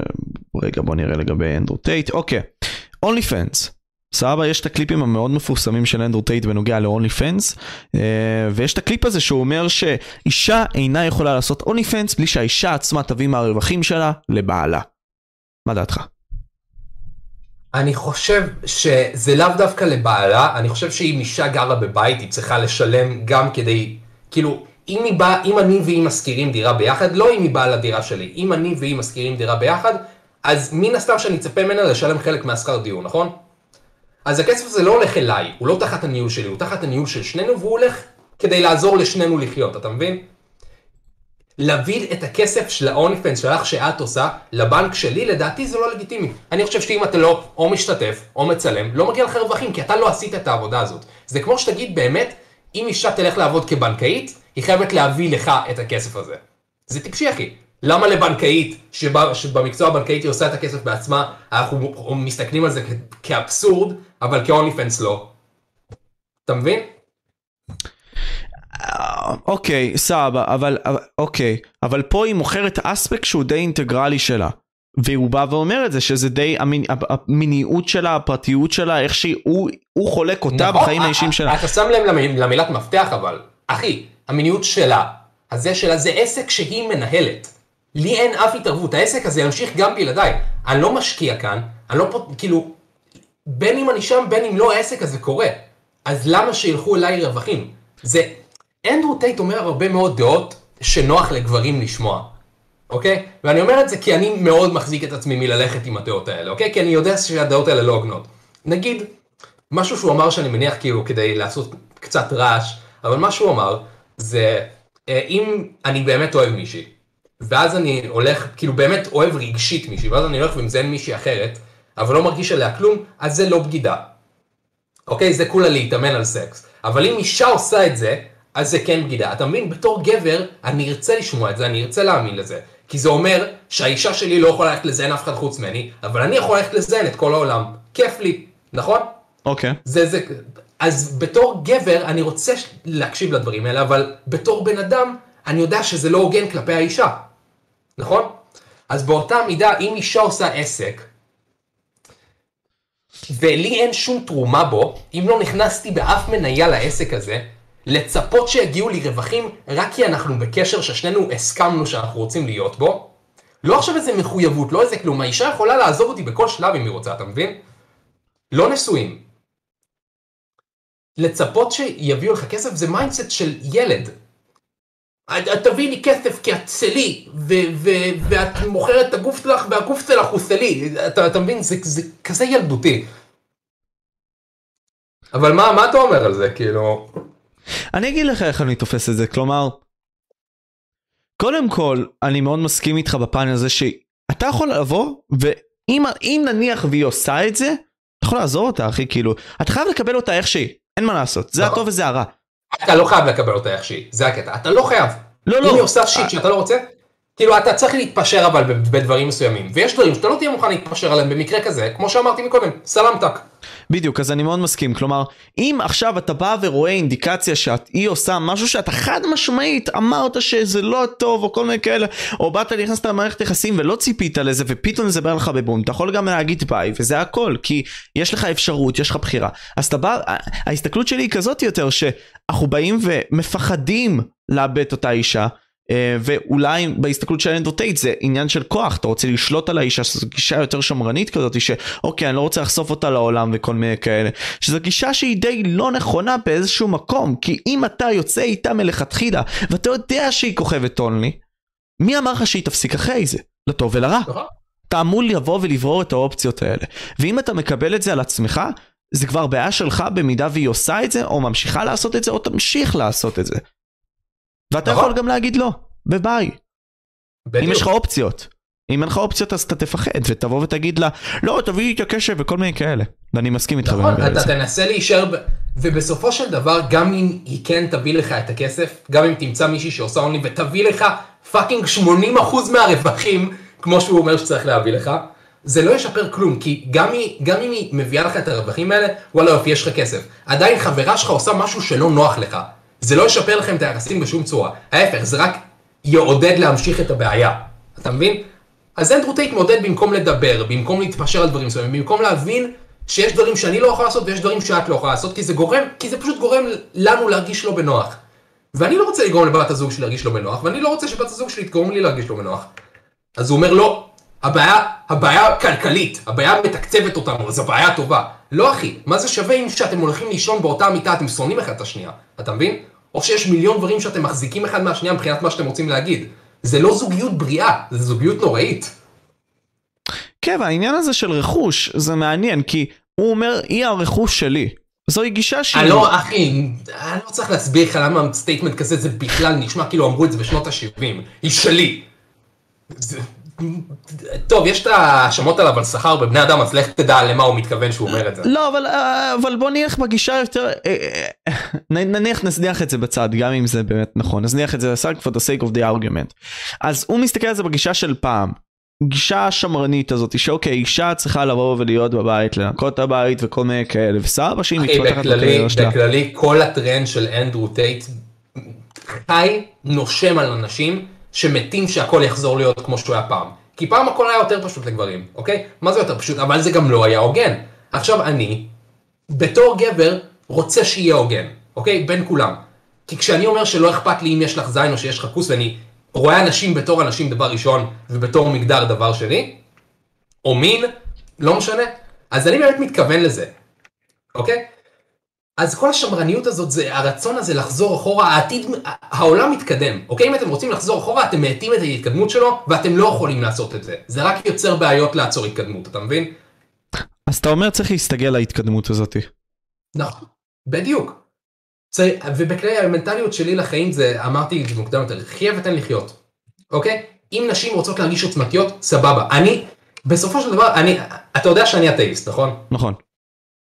אני חושב שהמצב הטבעי של החומר שמרכיב אותנו, כל האטומים שמרכיבים אותנו, זה מוות. מה זה מוות? זה פשוט לא הסדר הספציפי שמסודר עכשיו כדי שאני אהיה חי, נכון? אוקיי. תחשוב על זה ש-13 מיליארד שנה לפני עכשיו אתה היית מת, לא היית קיים. נכון. ואז לפני 20 שנה, בן כמה אתה? 19. היית קרוב. לפני 19 שנה, ההורים שלך באו, יצרו אותך, יצרו אטומים ספציפיים שזה, עכשיו לנגיד 100 שנה, אתה ב phase בקיום שלך, שבו אתה מבין מה קורה סביבך, ואחרי שתמות אתה תחזור למצב הטבעי שלך שלא לחיות. בזמן הזה, ב phase הזה שאתה מבין מה קורה סביבך, על מה שאני חושב שהאידיאולוגיה הכי טובה לחיים זה תעשה מה שעושה לך כיף, כל עוד זה לא מזיק לחוויה של, של האנשים האחרים. אבל זה אף פעם לא יכול להיות ככה, כי אם אתה תבוא ותלך איתי ל rabbit hole, אם אנחנו נדבר על אתאיזם ואפקט הפרפר, סבבה? בוא נעשה דבר כזה גיא. אני ואתה יצאנו עכשיו למסיבה, הלוואי שזה יקרה. אני ואתה שותים אחי כמו fucking champs אחי, אוקיי? fucking נהנים מהחיים, משחקים beer pong אחי, ובן זונה מטורף אחר fucking חוויה, אוקיי? אבל תחשוב על זה אוקיי. ככה, אתה נהנית, כיף לך אחי. למה? כי אתה בקלות ראש, אוקיי? ופתאום מה שאתה עושה, לא במכוון, כן? נותן למישהו אחר גם לשתות. אבל אתה נותן לו בטעות גם את האפשרות לשתות את זה גם לבד. ואז הוא שותה את כל הבקבוק, הולך למיון ומת בגללך, לא במכוון. אלא כי אתה נהנית, נתת לו גם מהחוויה שלך של הליהנות הזאתי, ואמרת לו, אוקיי, כאילו, תכלס תעשה מה שאתה רוצה, הוא מת ונהרג. בסופו של דבר, אני, אני לא חושב שאני יכול להאשים את עצמי על מוות כזה, כי אני לא אמרתי לו לשתות את כל הבקבוק. כשאני מביא למישהו בקבוק אלכוהול, אני מצפה שהוא ייקח שוט, אוקיי? ואם הוא שתה את כל הפאקינג בקבוק בפעם הראשונה שלו, אז... או שזאת לא יודע מה, כמה פעמים, אני, אבל בכללי, אני יודע על עצמי שאני כאילו אעשה שיקול דעת מאוד כבד לפני שאני אתן אלכוהול לנגיד אלכוהוליסט, אוקיי? אוקיי. אבל, אז- אבל אתה, אתה, אתה מבין, לא משנה עד כמה כיף לך, אני מבין, ברור, החיים לא כל כך פשוטים, אני מבין מה אתה אומר. גם אין דוטייט כיף לו אחי. אני מניח. ברור. לא, שמע, אם הייתי יכול לקחת את האושר, רק את האושר ואת הכסף שיש לאנדרו טייט, אז הייתי עושה את זה בלי לחשוב פעמיים כל יום. וואי, יודע מה? אתה יכול להראות דברים על המסך שנייה? כמובן. אני אשלח לך תמונה שנייה. אה, איך אני אוהב את זה שאתה בקלוז-אפ על ה screen שלי, זה מדהים. קיצור, אה, איפה אתה שלחת לי את זה? המים הזה, אני, אני עכשיו שולח לך שנייה, המים הזה, הוא היה, שנייה, אני אשלח לך בפרטי, הוא היה מאוד פופולרי ב, בתקופתו. שנייה, איפה אנחנו? מסאג' בינתיים שתעשו בלייק. חבר'ס. ואנחנו, אם אתם רוצים לשאול עוד שאלות חבר'ס, אנחנו פה בשביל זה. מה זה? אתה מבין? שלחת לי בדיסקורד? כן, שלחתי. כן, שלחתי לך בדיסקורד. אוקיי, קיצור. אז האם היית דורך על הכלב החמוד והקטן הזה בשביל 18 מיליארד דולר? אחי, הייתי, רגע, רגע, רגע. אוקיי. הייתי רוקד עליו, אתה רציני? 18 מיליארד? הייתי, אתה מבין חרא כזה? אז מן הסתם שהחוויה שלי לפעמים לא, יהיו לי בחירות פחות מוסריות ופחות טובות. אבל בוא שנייה, לפני שאנחנו ממשיכים לנקודה, בוא נתעכב על השאלה הזאת. אתה היית עושה את זה? היית הורג את הכלב הזה בשביל 18 מיליארד דולר? אה, חד משמעית אחי. חד משמעית. נכון? אבל, אבל, אבל אני אסביר גם למה. לפני שיקחו את הדברים out of context, אוקיי? תדמיין כמה חיים של אנשים וכמה חיות פר אקסלנס אתה יכול להציל עם ה-18 מיליארד דולר האלה. זה בדיוק. הטייק שלי. או, אני לא יכול לדבר על זה, לא משנה. אבל תדמיין סיטואציה כזאת. אם עכשיו אני אבוא ואתן, אוקיי? בן אדם אחד בשביל אלף איש, אוקיי? אלף איש שיכולים לרצוח עוד אנשים, סתם דוגמה? אז למה לי לתת בן אדם אחד בתור exchange, אתה מבין מה אני אומר? את האמת שלא הבנתי מה אתה אומר. אוקיי, אם נניח סתם דוגמה, אתה fucking שבוי, אוקיי? עכשיו תפסו אותך סתם דוגמה, אוקיי? אבל אני מביא סתם דוגמה, אלף אנשים שיכולים לרצוח אלף אנשים פוטנ, פוטנציאליים כ negotiations. לי יש את האלף, הם תפסו אותך, אוקיי? ואנחנו עושים exchange. בשבילך, אוקיי? אלף אנשים שיכולים לרצוח עוד אנשים, הם בשורות של האנשים שיכולים לעשות נזק. אבל אתה אצלי, הכל טוב כאילו, הכל בסדר. אתה מבין מה אני אומר לך? הם יכולים לבוא כן. ולרצוח עוד הרבה מאוד אנשים. אני פשוט לא יכול להגיד את הדוגמה הספציפית. כי זה די בעייתי, אתה מבין? אתה מסתכל כאן על טובת הכלל, וטובת הכלל זה לא האינטרס היחיד שיש לאנשים. אני מבין על מה אתה מדבר, צריך להיות מאוד מטומטם כדי לא להבין על מה אתה מדבר. אה, אוקיי. אבל כאילו, אתה יודע, לפעמים פוליטיקאים ספציפית צריכים, אחי, אני לא שם זין על הצבא, אוקיי, אתה יודע כמה אני מדבר על פוליטיקה. קיצור, אה, פוליטיקאים הרבה מאוד יעשו את הדברים שגורמים להם להיראות כמו גיבור של דיסני, אוקיי? כן, אנחנו נחזיר את הזה והזה הביתה. ובתכלס, לשחרר רוצח מהכלא בשביל להחזיר מישהו הביתה, זה טיפשי, אוקיי? אלף רוצחים זה לא לטובת. הכלל. בדיוק. אז אנשים עשירים עושים מה שהם צריכים לעשות כדי להישאר אנשים עשירים. נכון, כי תשמע, במקום מסוים צריך לרצות את רצון העם, ואם רצון העם מספיק חזק גם יעשו דברים כאלה, למרות שזה לא בסדר מבחינת האינטרסים. אבל פה אני אגיד עוד פעם את הדבר הזה, 18 מיליארד דולר בשביל לבוא ולהציל עוד חיי אדם, או לבוא ולתרום למען הקוזס שלי, שאולי יכולים לעשות טוב בעולם ואולי לא במקום מסוים, כן? אבל הם יותר שווים מהחיים של אותו כלב, זה מין סוג של? פאקינג הקרבה אחי. אני הפאקינג נכון. הייתי יותר, אולי מעדיף למות אחי, בשביל ש... שאולי לא היית מעדיף למות, אני אני לא- אומר לך, אתה לא היית? מעדיף למות. בשביל 18, אני- נכון, תכלס, כי הכסף לא משנה פה, אתה צודק. אבל אני ספציפית מבחינת המחיר בשאלה הזאת אני חושב שהמחיר יותר מדי גבוה, אוקיי? אני כן. הייתי מוחץ את הגור הזה למוות, לעיסה, בשביל עשרת אלפים, אוקיי? תקשיב, וזה תמיד, אני זוכר שכל 2014 כל הפייסבוק שלי היה מוצב בפוסטים כאלה, הייתם נותנים לו אגרוף בפנים בשביל מיליון דולר? כן, כן, הייתי עושה את זה. תגיד לי עכשיו שאלה כזאת, סבבה? אין לנו זמן כל כך לצרוח את יוטיוב, אבל אתה כן צורך את פדיקסול, אוקיי? ועכשיו השאלה שלי היא כזאת, אוקיי? מה הסיפור עם ריין? למה אתה בא ואתה חוש... מדבר עליו? I took it אה, personal. I'm, I'm not personal against him, יש לריין טייקים שאני מאוד מאוד אוהב ומסכים איתם, זה לא קשור, פשוט אני חושב שריין יותר מדי מדמה את אנדרו טייט כשהוא לא צריך, כשאין לו את הפסאד שיש לאנדרו טייט, הוא הולך איתו על כאילו, על אותם דעות ומנסה להיראות כמוהו ולדבר כמוהו, והוא יכול להגיד שלא, אבל הוא כן. קיצור, אז, ואני חושב שלריין אין את הזכות לעשות את זה, כי אנדרו טייט מחזיק תחת השם שלו הרבה דברים, אוקיי? שחקן שחמט, למרות שהאליפות היחידה שהוא, שהוא זכה בה הייתה באיזה גיל חמש. שחקן שחמט נגיד, אלוף קיקבוקסינג, מיליונר, מטייל בכל העולם, רואה עוד מיליונרים, וריין הוא יוטיובר עם 200 אלף סאבים. למה שאני אקח ממנו עצות? אמ, אוקיי. ובנו, ובכללי גם בנוגע. בנוגע לקטע הזה של אה, אין ידידים, אני חושב שזה mindset מאוד מאוד ילדותי, הוא אמר שם דברים שאני מאוד לא מסכים איתם, והם פשוט, שוב, לא נכונים. נגיד, הוא אמר, אחד הסטייטמנטים הראשונים שלו שם, זה אה, כשאישה יוצאת עם גבר אחד על אחד, אז היא רואה אותו בתור אה, בן זוג פוטנציאלי, וכשגבר יוצא עם אישה, אז הוא רואה אותה בתור. מיני. אובייקט מיני אינטימיות, מה שהוא רוצה להגיד, אוקיי? וזה mindset של בן 14, אחי, כי בשלב מסוים אתה יוצא מזה, ההורמונים מפסיקים להציף לך את הראש, ואתה רואה בני אדם כבני אדם, אתה יכול לשבת עם מישהו, לא משנה אם הוא אישה או אם הוא גבר. האינטרס הראשון שיש לך לראש זה לא כאילו, וואו, כמה אני רוצה לזיין אותה. זה כאילו, וואו, איזה כיף לשבת איתה לשיחה. כי בעיקר אם אתה מקבל את הסקס שאתה רוצה, אתה מבין? האנשים שיגידו את כל הדברים האלה הם בדרך כלל אנשים שלא מזיינים, ואנשים שכן מזיינים בדרך כלל יגידו את מה שאני אומר. כי אם אתה מקבל את הטוס... את ה... כאילו... אם אתה מקבל את הדופמין שלך, ממה שאתה רוצה, אז הרבה יותר קל לראות לך כאילו... קל לראות את הדברים בצורה אובייקטיבית ובצורה הוגנת. אבל אתה מבין, ו... אנחנו לא יכולים לראות את זה בצורה הוגנת, כי 30% מהגברים, בפרט בארצות הברית מגיל 18 עד 30, לא קיבלו סקס. שים אחי. אבל מה מה רצית כל להגיד? כך קשה לזיין? אני לא מבין את הנתון הזה, מה כל כך קשה לזיין? אני מזיין, תראה אותי! כאילו, זה, זה באמת לא כזה קשה, אני לא מבין. אני חושב, וזה מסוכן לתת לאנשים כאלה לדעתי שלא זינו, וזה כל כך מציק להם שהם לא זינו, את ה mindset של אם אתה לא יוצא עם בחורה לחמש, כאילו אם אתה יוצא עם בחורה לחמש דייטים ומשלם עליה אז היא חייבת לך, זה מסוכן לתת להם את זה, כי הם בכל זאת מתוסכלים, בן אדם מתוסכל יכול לפעול בצורה לא הכי הגיונית, אתה מבין מה אני אומר? ברור. אבל כאילו מסתכל על הדברים האלה במשקפת מאוד מאוד ילדותית, ושוב, מה שהוא אומר שם זה דברים שנער אומר.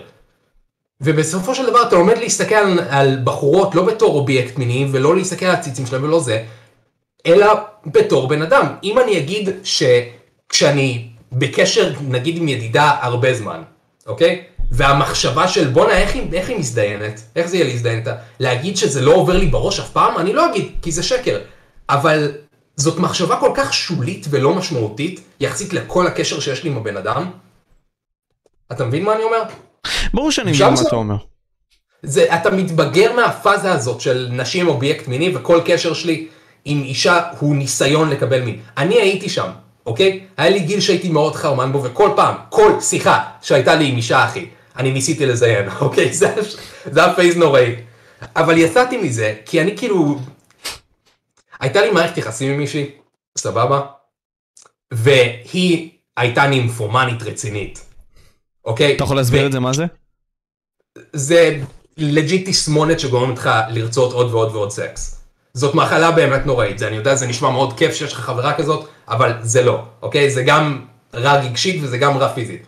קיצור, אני חושב שבגלל המערכת היחסים הזאת, אני, אחי, אני אומר לך באמת, אנחנו, ואני לא מנסה להשוויץ כאן, זה לא משהו טוב, אוקיי? היו פעמים שהזדיינו איזה שבע פעמים ביום. הזין שלי הוציא אבק. אני לא יכלתי לעמוד בקצב. אז אני קיבלתי את הסקס שאני רוצה בחיים, אוקיי? וזה... אני לא מסוגל להבין את ה mindset של אנשים שלו, כי אני לא אחד מהאנשים האלה. אני לא מסוגל להבין את התסכול הזה. אבל הקטע זה שאני מכיר אנשים שהם כן בתולים נגיד בגיל שלי, 21 או 22, וכן יש להם את ה mindset הבריא של כאילו זה יקרה כשזה יקרה, ולחשוב על זה לא עוזר בשום דבר, זה גורם לי להיות עצבני על עצמי. אז אני אגיד לך, יש לי take ממש ברור בנוגע לזה. אתה אמרת, אה, אה, נתחיל מהסוף שלך ואז נבוא ונחזור להתחלה. אוקיי, קודם כל אמרת לי שיש אנשים שיבואו ויגידו, אתה יודע, כשזה יבוא זה יבוא. אבל בפועל, למה זה מגיע לדעתי? זה מגיע כי פורנו זה דבר שמספק, פורנו זה דבר שממלא לך את הצורך האישי הזה של לשחרר את היצרים שלך, וגם אתה לא, לא כל כך אכפת לך איך זה מרגיש כל כך אמין, כאילו זה מסקרן והכל, אבל זה לא שווה את המאמץ, כאילו the, the squeeze isn't worth it אחי, לא שווה לעשות את זה. כשיש לך בנגיעה אחי, לראות כל קטגוריה שאתה רוצה, עם כל אישה שאתה רוצה, או עם כל גבר שאתה רוצה, תלוי מה שאתה רוצה, כן? אבל אתה יכול לבוא ולעשות את זה בכל נקישת כפתור פשוטה אחי בטלפון. אז אתה לא צריך לבוא ולצאת לבחוץ, אז זה אחד, אז הם יבואו ויגידו את זה, אבל זה תירוץ אחי לדעתי לכל הפחות. שתיים, עכשיו אנחנו נבוא וניקח את אותם גברים שבאת ואמרת, שאוקיי, הם חווים תסכול מיני, או לא חווים חוויה מינית, והם אומרים את הדברים האלה בנוגע לידידות שלהם. מה זאת אומרת ידידות שלהם? סתם דוגמה, אומרים עכשיו, אוקיי, אני רואה את הזאתי מהכיתה שלי, וואלה הייתי שובר לה את התחת, אוקיי? וזה לא יפה להגיד באיזשהו מקום, אבל זה מה שאתה חושב. נכון אחי, שמע, זה להתנגד לזה שיש, כאילו, להכחיש את זה שיש לנו יצר מיני זה מטומטם. אוקיי, ודווקא אני חושב, אני חושב על זה הרבה בזמן האחרון, זה מדהים כמה מיניות זה משהו שכאילו תמוה בנו. אתה יודע? זה הדבר הכי פראי בעולם אם תחשוב על זה, כל חיה בעולם מזדיינת. נכון. אבל זה עדיין כל כך תמוה בנו, וזה פסיכי, זה בין הדברים היחידים שמשותפים לנו ונגיד לדובים, או לאריות, או למדוזות אפילו. כולם מזדיינים. ואפילו אנחנו לא יכולים להתחמק מזה, זה, זה מדהים לדעתי שזה שמע על כל כך הרבה רלוונטיות גם אלפיים שנה אחרי הספירה. אבל אתה מבין זה ביולוגיה, כלומר יש את הרבולוציה שזה ההתקדמות שלנו שאנחנו עושים עכשיו שזה הטכנולוגיה והכל אחי, ויש את האבולוציה, והאבולוציה נכון. לוקחת מלא זמן אחי. אני לא מדבר על זה שאנחנו עדיין מזדיינים, מן הסתם שאנחנו צריכים לעשות את זה, אני מדבר על איזה מקום ענק יש לזה בחברה שלנו. אחי, סקס עולה בכל שיחה. כל שיחה תעלה, כאילו, תוביל לסקס. אבל זה המכנה המשותף הכי נמוך, אחי, כי כולם רוצים נכון, את זה. נכון. או כולם עושים את זה זה באיזשהו מקום. זה גם למה אנשים מסתכלים על נגיד אוניפנס בתור מקצוע פחות מכובד, כי זה כאילו עושה אפיל לאינסטינקט הכי פראי שיש לבני אדם. זאת הדרך הכי קלה לקבל תשומת לב ממישהו. נכון. כי במקום מסוים סבבה אוקיי גיא אני נמצאת איתך במערכת יחסים אני יכולה להראות לך את הדברים המוצנעים שלי וגם הפוך. וזה דבר שהוא מאוד באיזשהו מקום גם פרטי אבל באיזשהו מקום גם כל כך חייתי אחי. ואנחנו באים ומנצלים את זה בשביל הלייקים עכשיו בשביל הצפיות ניקח את זה לטיק טוק אחי כאילו תחשוב על זה טוויץ' אחי לא יודע אם הסתכלת בפעם האחרונה אחי אבל fucking יש שם קטגוריה שלמה של בנות שנמצאות באמבטיה עם ביקיני וכל מיני כאלה ומוכרות עצמם ויש הרבה מאוד צפיות לזה. ותכלס הם יעדיפו לשווק את זה שזה דבר מאוד זול אחי אבל בפועל דברים שקשורים לדעות והכל הם לא יבואו וישווקו אותם. למה? כי דעות פוגעות אבל נניח דברים כמו פורנו דברים כמו סתם דוגמה הדרך שבהם הם מתלבשות. הם יבואו וישפטו את זה. לא, כאילו יש לך נקודה אחי, מי נפגע מפורנו? אחי, שמע, יש כל כך הרבה פעמים שראיתי פורנו, ואפילו לא עוננתי, סתם ראיתי את העלילה, אתה מכיר את הסרטים המפגרים האלה? עלילה מטורפת. אני ראיתי פעם אחת פורנו של מישהו, והוא זיין אה, את אשתו של החבר הכי טוב שלו, ואז החבר הכי טוב שלו ראה את זה, ואז הוא כזה בא לתת לו אגרוף, והוא עושה literally ככה. עושה לו את האגרוף, ואז הבחור כאילו מחזיק לו את האגרוף, ועושה לו ככה, והוא עף איזה חמש מטר רחוק. holy shit. אתה מבין, אני אפילו לא יכלתי להביא ביד יותר, זה היה מדהים. זה היה שווה את כל הפוקוס שלך, עזוב את האינסטינקט הפראי שלך. הפורנו זה מדיום כזה טוב לפעמים. אני אישית לא יכול לראות פורנו בלי עלילה. אני חייב עלילה, אני חייב להבין איך זה הגיע שם, אני לא יכול פשוט לראות גבר ואישה מתחילים להזדיין, אני חייב לדעת מה קרה. אני, אני אגיד לך, כאילו, קודם כל הגיוני. דבר שני, אני אבוא ואגיד לך מעבר לזה.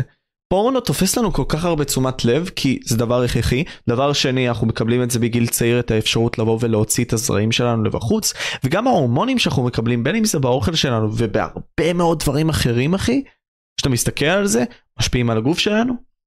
והחברה שלנו בקלות גם, גם הבוגרים יכולים להסתכל על נשים צעירות ולהתחרמן מהם, למה? כי זה מונגש, והרבה מאוד מהדברים האלה הם פשוט פרוצים אחי, ואין מה לעשות, זאת החברה שבה אנחנו חיים, וצריך להבין את זה. מה שאני מנסה פה להגיד זה שזה קל כל כך אחי להיחשף לזה וזה כל כך משפיע על רמות הדופמין שלנו ועל הרצון הבסיסי שלנו לזיווג עם אישה או גבר שאנחנו נפגעים אחי ואנחנו פשוט נמצאים אנטי סושיאל באיזשהו מקום. מה אחי אתה אתה מתאר לי עכשיו מצב שבו בני אדם עושים משהו שפוגע בהם? זה חדש. אתה שמעת על ההתחממות הגלובלית? לא יש בזה משהו נכון. אחי זה, זה כאילו בני אדם תסתכל נקשר את זה למקודם נסתכל על מלחמת העולם השנייה אחי אם אתה עושה לזה אם אתה כאילו מקטין את זה מספיק בסוף זה בני אדם הורגים בני אדם.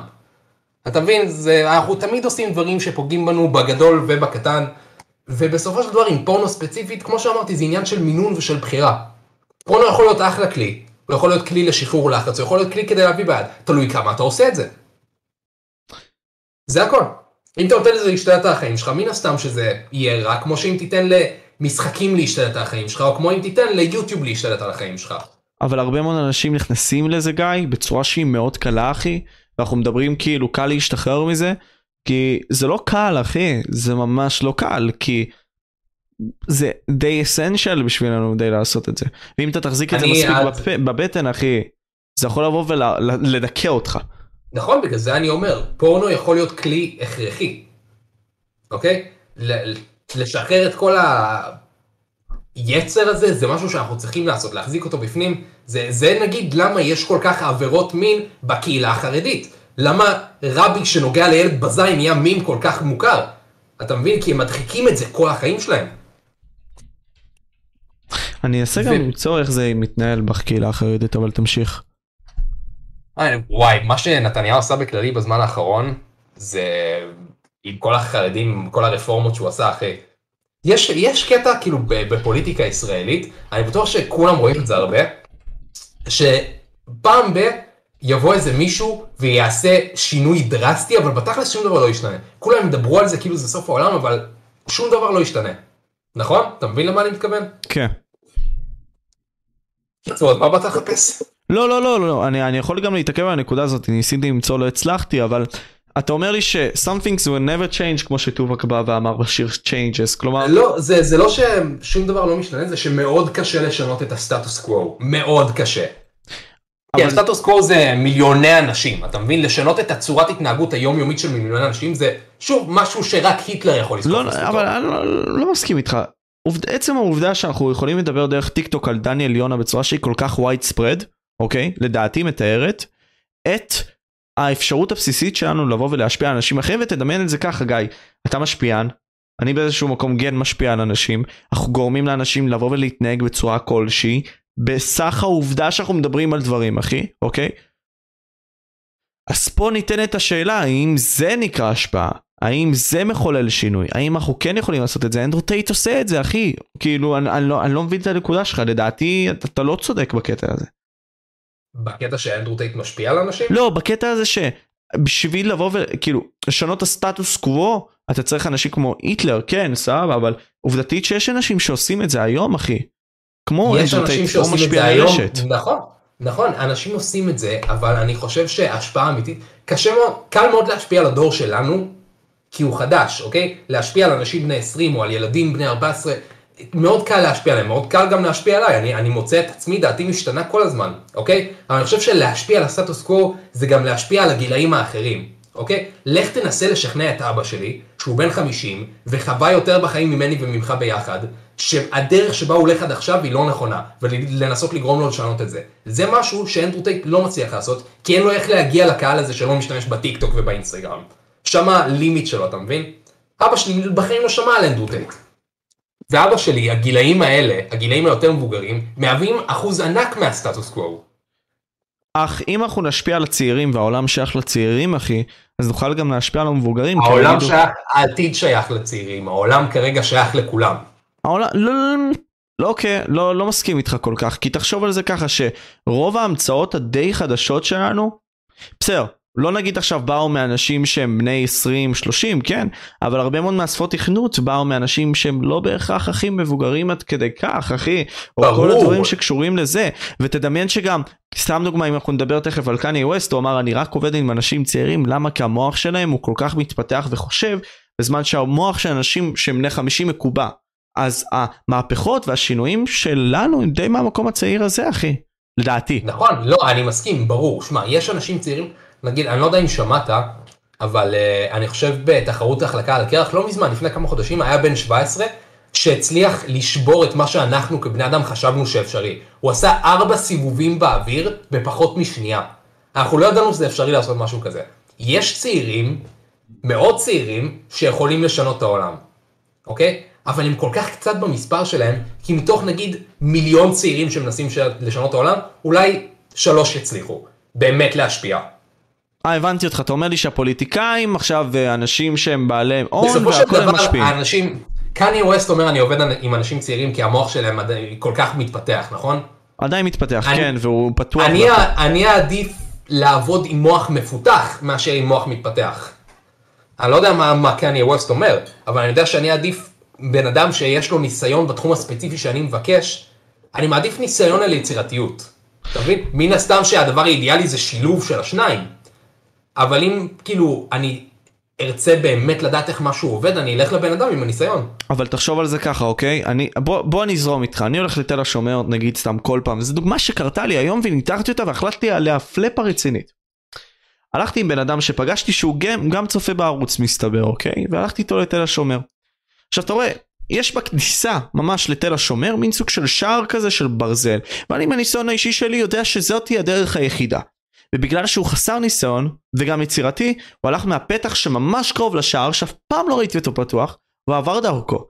ואז הוא אמר לי למה לא פתחת את הראש שלך והסתכלת. אז אתה מבין, עם כמה שאני בעל ניסיון, הניסיון שלי די מקבע אותי במה שאני חושב אחי. אתה מבין? כן, אבל יש הבדל בין צבא ו-9 to 5 וסביבה אני חושב כל כך צבאית של כל כך לקבל פקודות ולא לנסות אפילו לפתוח את הראש כי אם תעשה את זה אתה יכול להעלות משפט או שאתה יכול להיכנס לבעיות או שזה צבא ספציפית זה פחות דוגמה כי שם אתה מפחד לעשות הרבה מאוד דברים. זה לא כמו נגיד עבודה שבה המקסימום שיקרה יפטרו אותי. זה אם אני עכשיו מפשל אני יכול להיכנס לבעיה רצינית. אוקיי. אז כאן אני יכול להבין למה מקבע אותך כי זו די כאילו מקבים אותך בכפייה. אתה מבין מה אני אומר? אוקיי. אבל בדרך כלל, אני חושב שיש הרבה מאוד אנשים מבוגרים, יותר מאנשים צעירים בוודאות, שיש להם רעיונות שבאמת מקדמים אותנו. נגיד, תסתכל על הגילוי הפיזיקאי הכי גדול האחרון, אוקיי? על החלקיק האלוהי שיסביר למה לחלקים יש מסה, למה לדברים יש מסה בכללי. זה big deal, זה אבן כאילו דרך ענקית באנושות, ולא תמצא מישהו בגיל פחות מ-30 בצוות שגילה את זה. אתה מבין, הגילויים הבאמת משמעותיים, לא ללכת מסביב לשעה בקריה, אלא באמת לגלות דברים שישנו את כל האנושות מכאן ואילך, זה דברים שאתה לא יכול לעשות בלי מספיק ניסיון. אה הבנתי אותך, אתה אומר לי אוקיי, האנשים שבאמת משנים את העולם בפועל, מבחינת ה face, זה אנשים. שמבוגרים, אין ספק, מסכים איתך. אין ספק. Uh, בכללי אנשים רוצים בריף, דיברנו על אנדרו טייט, היטלר, כן, כן לגמרי, חרלנט מסכים, דיברנו על קונספירציות, לגמרי יש הרבה מאוד דברים שדיברנו עליהם, חבר'ס, ומין כמובן. אם יש לכם שאלות, חבר'ס, אני אשמח שתבואו ותשאלו בנוגע לדברים מסוימים, כאילו, וזה באמת uh, גם חשוב, אבל אני כן מבין אותך, כלומר, אתה אומר לי, הסטיב ג'ובסים למיניהם, הביל גייטסים למיניהם, כל מיני כאלה, לגמרי מסכים איתך. Uh, חלק ענקים מההצלחה זה גם יצירתיות, מן הסתם שגם יצירתיות, כמו שאמרת, נגיד סטיב ג'ובס.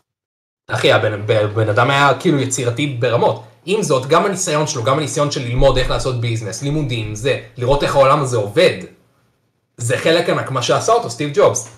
יצ, יצירתיות זה רק חצי מלהצליח. יצירתיות זה רק חצי מלהצליח. מסכים באיזשהו מקום. טוב, נבוא ונלך לקניה. ראית בה בכלל קרה עם קניה אחי בזמן האחרון או שהיית יותר מדי תמוה בצבא? לא, לא, לא, אחי, אני מאוד ראיתי מה קורה עם קניה. אני חושב שזה ה... אני חושב שזה הדבר הכי טוב שקרה באינטרנט בשנים האחרונות בכללי בעולם. אני אף פעם לא חשבתי שיגיע זמן שאני אראה את אלכס ג'ונס משמש בתור ההיגיון בשיחה, אחי. זה מטורף. אוקיי, תסביר את עצמך מה, איך תפסת את אה, קניה ווסט לפני כן, ואיך אתה תופס לא אותו עכשיו? תפסתי אותו באף צורה אחי, לא, הוא לא היה אחד הזמרים שהקשבתי להם, תפסתי אותו בתור זמר. היו לו יציאות מפגרות פה ושם, נגיד שהוא אמר פעם שהוא שייקספיר. כאילו אחי בוא, בוא לא נגזים, אתה עושה אחלה מוזיקה אוקיי? graduation אלבום מעולה, אני לא חושב שאתה שייקספיר. ואני אוקיי. חושב שגם ראיתי איזה סטנדאפיסט אומר את זה, שקני ווסט אומר אני שייקספיר, אני אל, אני זה, תיתן את הביטחון הזה לבן אדם לבן, אוקיי, זיכן fucking צ'פמן fucking, ככה אתה יודע. והנה עובדה, תראה מה קורה עכשיו. אבל אני, אבל אני אגיד לך מה, עם כמה שאני חושב שכן הוא איבד את קו הבסיס שלו, כלומר את המרחק שלו מהקרקע וגם לפעמים גם בצורה משמעותית, יש הרבה מאוד נקודות שהן כן נכונות אצלו, ונכונות משמעותית אחי. שגם אחי. בריאיון עצמו אצל אלכס ג'ונס הוא בא ואמר, אבל אם אתה תפעיל מספיק כאילו מוח אתה תבין מה הוא אומר. אני מבין מה הוא אומר, זה לא קשור, אבל הוא אומר את זה על דברים נוראים, שאי אפשר להגיד בעולם של אנשים שמתבססים ברוב דעתם על רגש, אוקיי? אי אפשר לנתק את הרגש. אני הייתי מת שיהיה אפשר לנתק את הרגש מנושאים מסוימים, כי אני בן אדם מאוד מאוד לוגי, אוקיי? אבל אי אפשר לעשות את זה. וחלק מהלוגיקה שלי, אני תמיד לוקח בחשבון איך אנשים יגיבו למה שאני אומר, אוקיי? אוקיי, לאו דווקא, כאילו, אתה יודע, יש משפט שאומר, כאילו, אל תהיה צודק, תהיה חכם. נכון. ולהיות חכם זה לקחת את מה שכאילו, את הרגשות של אנשים, כי רגשות זה מה שמניע את כל העולם, אוקיי? אז מן הסתם שאם, שיש לכאן יש דברים שהוא עובדתית צודק בהם, אבל באותו הזמן זה בצל של דברים כמו אני אוהב יהודים אבל אני גם אוהב נאצים. שאגב זה משפט פרדוקסי שלא עובד. אבל אני אגיד לך מה הכוונה שלו, אוקיי? וממש עברתי על זה היום. שהוא אוהב את כולם. לא, לא, כולם, אבל אין אני, לו- אבל אני אסביר למה, כאילו, תחשוב על זה, אוקיי? אני אתן קודם כל את ההקדמה הזאת, אוקיי? הוא דיבר על...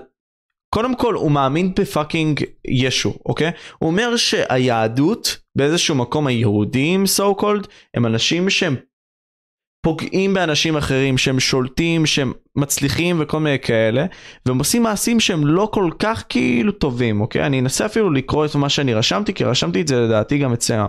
אוקיי, הוא מאשים את התקשורת היהודית להסללת הידע העולמי, מאשר, מאשר לבוא ולהגדיל ולהעצים אותנו בתור בני אדם, אוקיי? כאילו, הוא מאשים אותנו בכל הדברים שאנחנו עושים, ומסתכל על הנצרות ועל ישו כמשהו שהוא בא ופותח, משהו שהוא בא והוא מכיל, משהו שאנחנו צריכים להסתכל על כל הצדדים, אחי, אוקיי? וזה למה הוא אומר שהוא אוהב את היטלר, למה הוא אוהב את היטלר? לא כי היטלר בהכרח הוא בן אדם טוב או רע, אלא כי היטלר הוא מכלול, אבל להיטלר בתור מכלול הוא דבר מעניין. וצריך להכיל אותו. וזה למה הוא גם הולך לאלכס ג'ונס, אתה מבין? כי אלכס ג'ונס הוא גם טוב וגם רע, אבל צריך להכיל אותו. הדת של ישו בא ומכילה, והיהדות לא מכילה. מבחינתו היא רודפת בצע ורודפת כסף ורודפת שליטה. אתה מבין? וזה למה הוא בא, ואומר שהוא אוהב את היטלר והוא אוהב את היהודים, למרות שזה פרדוקסי אחי. אבל בעולם שלו, ב frame of mind שלו, בלי שתבוא ותרחיב ותבין את הקונטקסט ותראה רק את הקליפים, תבוא ותגיד כזה, אוקיי. He lost his אתה מבין? אוקיי, אז אני, אני מבין מה שאתה אומר, אבל כדי לקחת את מה שאתה אומר בתור משהו נכון, אז צריך לחשוב שהשיטה שהנצרות מציעה זאת השיטה הנכונה. ואני אישית ממש לא מאמין בזה, אוקיי? אני חושב שהשיטה של הנצרות היא השיטה הכי מזיקה לחיות בה, או לפחות בין המזיקות. למה? כי השיטה של הנצרות אומרת משהו מאוד פשוט, אוקיי, אתה יכול להיות בן אדם חרא, אתה יכול להיות הבן אדם הכי נורא שאי פעם חי, אבל אם לפחות לקראת הסוף אתה תקבל את ישו ותאמין בו ותחשוב שהוא המושיע שלנו, אז אתה תיכנס לגן עדן והכל בסדר ואלוהים סולח לך. אז בעיקרון, אני יכול עכשיו ללכת ולעשות עוד 9-11, אוקיי? אני יכול ללכת ולהיכנס במגדלי עזריאלי עם מטוס, אבל העיקר שלפני שנכנסתי במינה אמרתי, אני מקבל את ישו בתור המושיע שלנו. אני לא יודע מה עם קניה, אוקיי? אם הוא הצליח לג'יט לעשות לעצמו מדד כזה שלפיו הוא אוהב אנשים, יופי לו. More power to him. אני לפחות, יש לי חוש צדק מאוד נוקשה, ולא לפי זה אני מודד, כאילו לא לפי אם מישהו מאמין בפאקינג אל, אני מודד אם הוא יכול להיכנס לגד ענד או אם הוא בן אדם טוב. אני מודד מישהו על פי המעשים שלו, כמו שלדעתי צריך, אוקיי? ויפה שאני מקבל את ישו שדוגל באהבה ובשלום, אני עדיין עשיתי 9-11 במגדלי עזריאלי, אז אני לא חושב שמגיע לי שיאהבו אותי. ואני לא חושב שמגיע להיטלר שיאהבו אותו, כי למרות שהוא עשה דברים טובים לגרמניה, והוציא אותה מהמשבר הכלכלי שהייתה בו בגלל כל הקריסה של וול סטריט, יפה שהוא עשה את זה, הוא גרם למאות מיליוני אנשים למות. ואני בכיף הייתי זורק את גרמניה לפח, ושומר את כל החיים האלה. אני מבין אותך. זה כמו ללכת ליד ושם ולהגיד איזה צייר טוב היטלר היה. אתה יודע, זה נכון, אבל זה לא הזמן ולא המקום להגיד את זה. זה לא הזמן ולא המקום להגיד את זה. כן, אני מבין אותך. אני פשוט רוצה לבוא ולא להצדיק אותו בקטע הזה, פשוט להציג את הצד שלו, כי לדעתי, אתה יודע, הבן אדם לא יודע פאקינג להסביר את עצמו בצורה נורמלית, כי שוב אמרתי, הוא lost his marbles. ו... אבל אם אתה כן רואה את הרעיון, אתה מבין ואתה מחבר את הנקודות ואתה מבין מה הוא אומר. אמ, גם, גם בנוגע לזה סבבה, הוא אומר שהיהודים הם נאצים.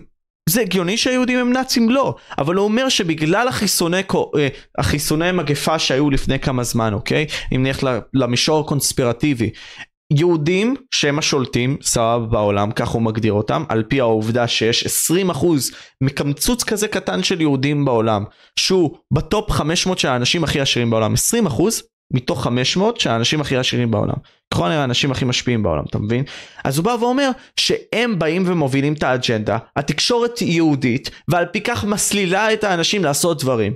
אז הם גרמו לכך שאותם חיסונים שהם לא טובים, של אותם חברות כמו פייזר וכאלה, גרמו למוות של הרבה מאוד אנשים, שהוא מיותר, שלא היה אמור לקרות. זאת הגישה שלו, זה למה כל להציע. אם אתה רוצה לדבר על מוות מיותר ואז אתה מצודד בהיטלר, גם זה פרדוקסי. אתה מבין? ושוב, אם אתה רוצה, זה מה שהוא אמר, אתה רוצה לדבר על היטלר, מה שהוא אומר זה מה שהיטלר אמר. היהודים שבשלטון גרמו לקריסה הכלכלית, והם עושים ככה, והם הורסים את העולם, אתה מבין? זה בול מה שהיטלר אמר. כמו שאנדרו טייט עכשיו הוא בעיקרון ה-reincarnation של ליפי מ-2016, זה, אתה מבין, הכל חוזר על עצמו, אנחנו, we are bound to make the same mistakes. אז כאן אני עכשיו אומר, היהודים אשמים והיהודים גורמים לתקשורת ולחיסונים, ולמרות שליטרלי פחות מאחוז אחד של האנושות הם יהודים. הוא מפחד ממיעוט כל כך קטן, שהוא לא לא מרכיב אפילו אחוז אחד מהאנושות. אתה מבין? אז בין אם הוא צודק בין אם לא, שזה משהו אגב שאין לו דרך לדעת מה ה-20% האלה עושים, או מה ה top 500 אנשים בעולם עושים ואיזה בחירות, בלה בלה. הוא מפחד ממיעוט כל כך קטן, לא מפחד, מנסה להרעיל נגד מיעוט כל כך קטן, ועובדה שהרבה מאוד אנשים עוקבים אחריו, ובאמת, תסתכל על השתלשלות האירועים שקורית עכשיו עם קניה, והשתלשלות האירועים שקרתה עם היטלר, זה מאוד דומה. וזה מפחיד. כמה, כמה כאילו המילים של בן אדם יכולות לשנות באותה צורה כמו שהמילים של היטלר שינו לכל גרמניה. אוקיי, okay, uh, תרחיב על זה, אני רוצה שתרחיב על זה יותר, כי אנשים יכולים גם לתפוס את זה בצורה שהיא לא כל כך טובה. אין הרבה מה אחי, כי כאילו, קניה בא בתקופה שזה קל לשנוא בה את ישראל ואת היהודים בכלל, בגלל, בגלל כל התעמולה שפלסטין עושים ברשתות החברתיות. הרבה אנשים חושבים שאנחנו הבחורים הרעים בסיפור, אוקיי? ואז גם קניה בא ולוקח תסכול שכבר קיים, ואומר, אה, היהודים גם שולטים בעולם, והם שולטים בכל הכסף, ובגללם ככה וככה, ומביא כאילו הצדקה לשנאה של האנשים שהיא חסרת ביסוס. ברגע שלאנשים יש סיבה לשנוא, ועוד יותר מזה שהשנאה כבר הייתה קיימת לפני זה, כי אנשים פשוט, אנשים מאוד טובים בלשנוא דברים, אוקיי? גם בלי סיבה. אני יכול להביא לך אנשים שאני לא אוהב סתם ככה, אני אפילו לא מכיר אותם. אני פשוט שונא אותם, אוקיי? יש הרבה מאוד אנשים שלג'יט סתם לא אוהבים אנשים מסוימים, זה משהו מאוד נפוץ באנושות. ברגע שאתה מביא לאנשים כאלה סיבה, לא, כאילו סיבה לשנוא קבוצת אנשים מסוימת, אז זה כבר נהיה מסוכן.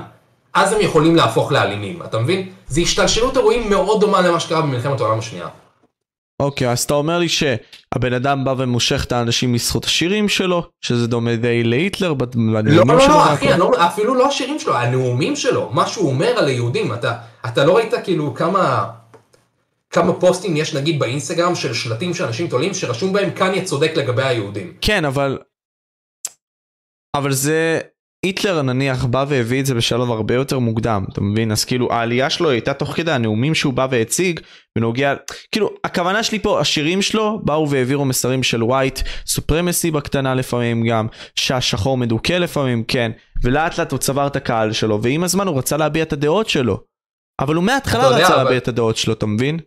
אני חושב שהוא בא גם עם גישה מאוד ילדותית לקטע הזה של ה... כמה הבחור השחור סובל אוקיי? והוא כל הזמן אומר, אה, זה עצוב מאוד ש-6 מיליון יהודים מתו בשואה, אבל 20 מיליון שחורים מתו בעבדות. באסה אחי. אוקיי? באסה לשני הצדדים, זאת לא תחרות של מי יותר סובל. זה נורא ש-20 מיליון מתו כאן, זה נורא גם שבן אדם אחד מת בחדרה, אוקיי? זאת לא fucking תחרות, ולהפוך את זה לתחרות, זה כל כך שגוי. כי כל המטרה מלכתחילה היא שלא תהיה יותר סבל. לשני הצדדים, לאף אחד, אוקיי? אז להפוך את זה לתחרות של מי סובל יותר ולהגיד, העם שלי סובל יותר מהעם שלכם, לא משמש אף מטרה. זה משמש ההפך, את המטרה הנגדית ממה שהוא בא לעשות, של תראו כמה סבל יש בעולם לכל הכיוונים. ועכשיו אתה רוצה להביא עוד סבל לקבוצה שכבר סבלה בעבר, שכמו שאתה אמרת בעצמך, 6 מיליון אנשים מתו בה. כי אתה יודע בתכלס למה הוא עושה את כל זה, נכון? למה הוא עושה את כל זה? כי המנהל של אדידס של החוזה שלו היה יהודי, והוא קיצץ לו הרבה מאוד מהתקציב. אז הוא ליטרלי נוקם בו בצורה הכי טובה שיש, אם אתה חושב על זה. כאילו אתה אומר שהוא בא ויוצא כנגדו ויכול להסית קהל כנגדו בפועל כי הוא גם מציין את השמות שלו הוא מסית. קהל נגדו ונגד כל העם שלו. אני, זה אחלה של נקמה, אם מישהו מקצץ לך כל כך הרבה כסף. אז אתה אומר לי פה שהוא די סותר את עצמו, אין מה לעשות, אנחנו בני אדם, אנחנו סותרים את עצמנו, אנחנו שרמוטה, אבל אתה אומר פה שהוא בא וסותר את עצמו בכך שהוא מפזר אהבה, ובא ונלחם למען עקרונות של אהבה, אבל מפזר שנאה, בכך שהוא ברור, בא אחי. ומתריס נגד אנשים אחרים. ברור, הוא מדבר כל הזמן אל ישו, וכמה שישו אוהב את כולנו, וכמה שכולם צריכים לאהוב אחד את השני. באותו הזמן, אתה אומר שאתה אוהב ותומך בבן אדם שאחראי לס... לא סתם למוות של מאות מיליונים, לעינויים ולסבל ולתקופה ולקונפליקט הכי קטלני בהיסטוריית האנושות. אתה מבין? זה מאוד סותר, כאילו שקניה מאוד סותר את עצמו, ואתה גם אמרת את זה בעצמך. אני לא, אני חושב שאנחנו בתור בני אדם סותרים את עצמנו, כי גם אנדרו טייט אחי, אה, נגיד סתם אני, אם נחזור עליו טיפה, אה, ואחרי זה אולי גם נלך לנושאים אחרים, כי וואלה נפל לי כבר המיץ מאנדרו טייט ומקני, אבל...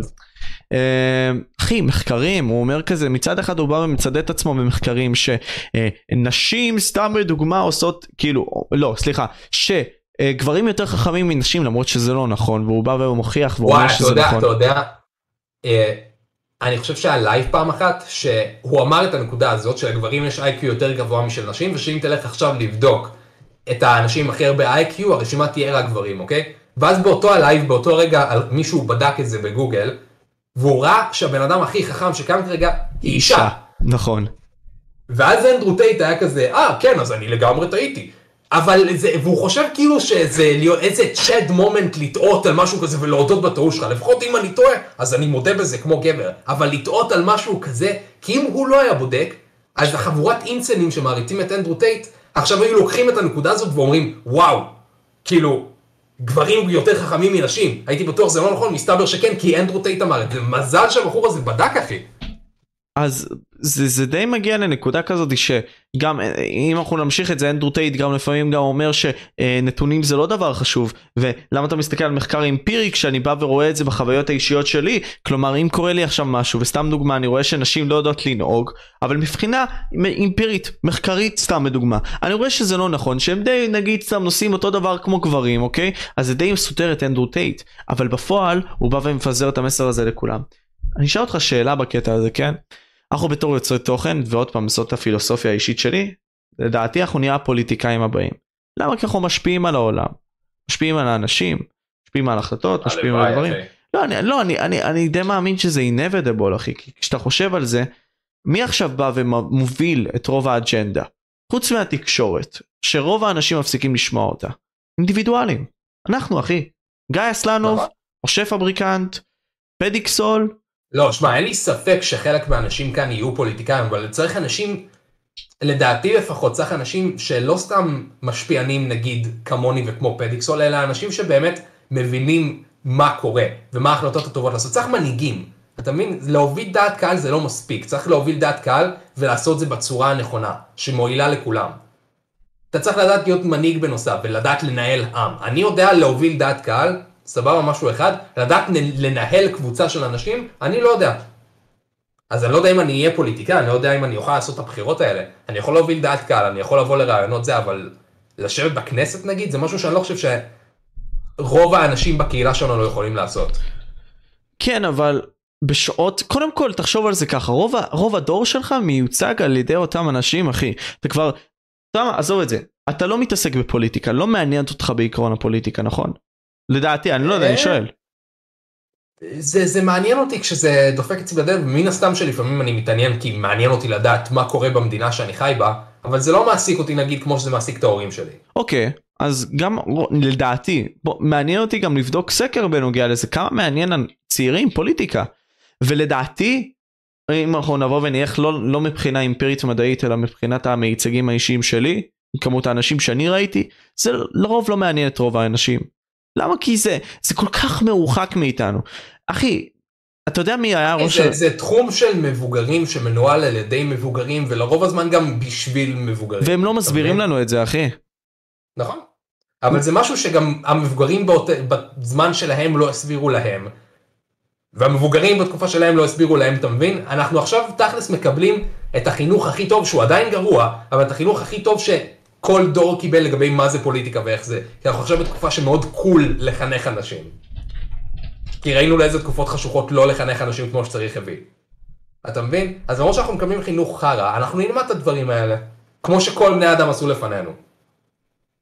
בלי קשר גם, אני חושב שהדור כאילו של היום הוא בזכות הטכנולוגיה והכל, אני חושב שאנחנו הרבה יותר חדי הבחנה ואפילו אינטליגנטים מהדורות שהיו לפני זה.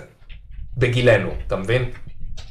כן, אני חושב אבל שזה רוב הדורות, במיוחד מאז מהפכת הנאורות ככה, שבגלל שיש לנו הנגשה למידע די זמין, אנחנו באים וצורכים את זה, אבל בהרבה מאוד מהמקרים אנחנו צורכים את התוכן שלנו בצורה שהיא די פסיבית. אז עם כמה שאנחנו מקבלים הרבה מאוד מידע, אנחנו לא מאבדים את המידע. אז כאילו, כן, אבל כשיש לך, זה, אני חושב שזה קטע של כשיש לך גישה לכל כך הרבה מידע, וכש...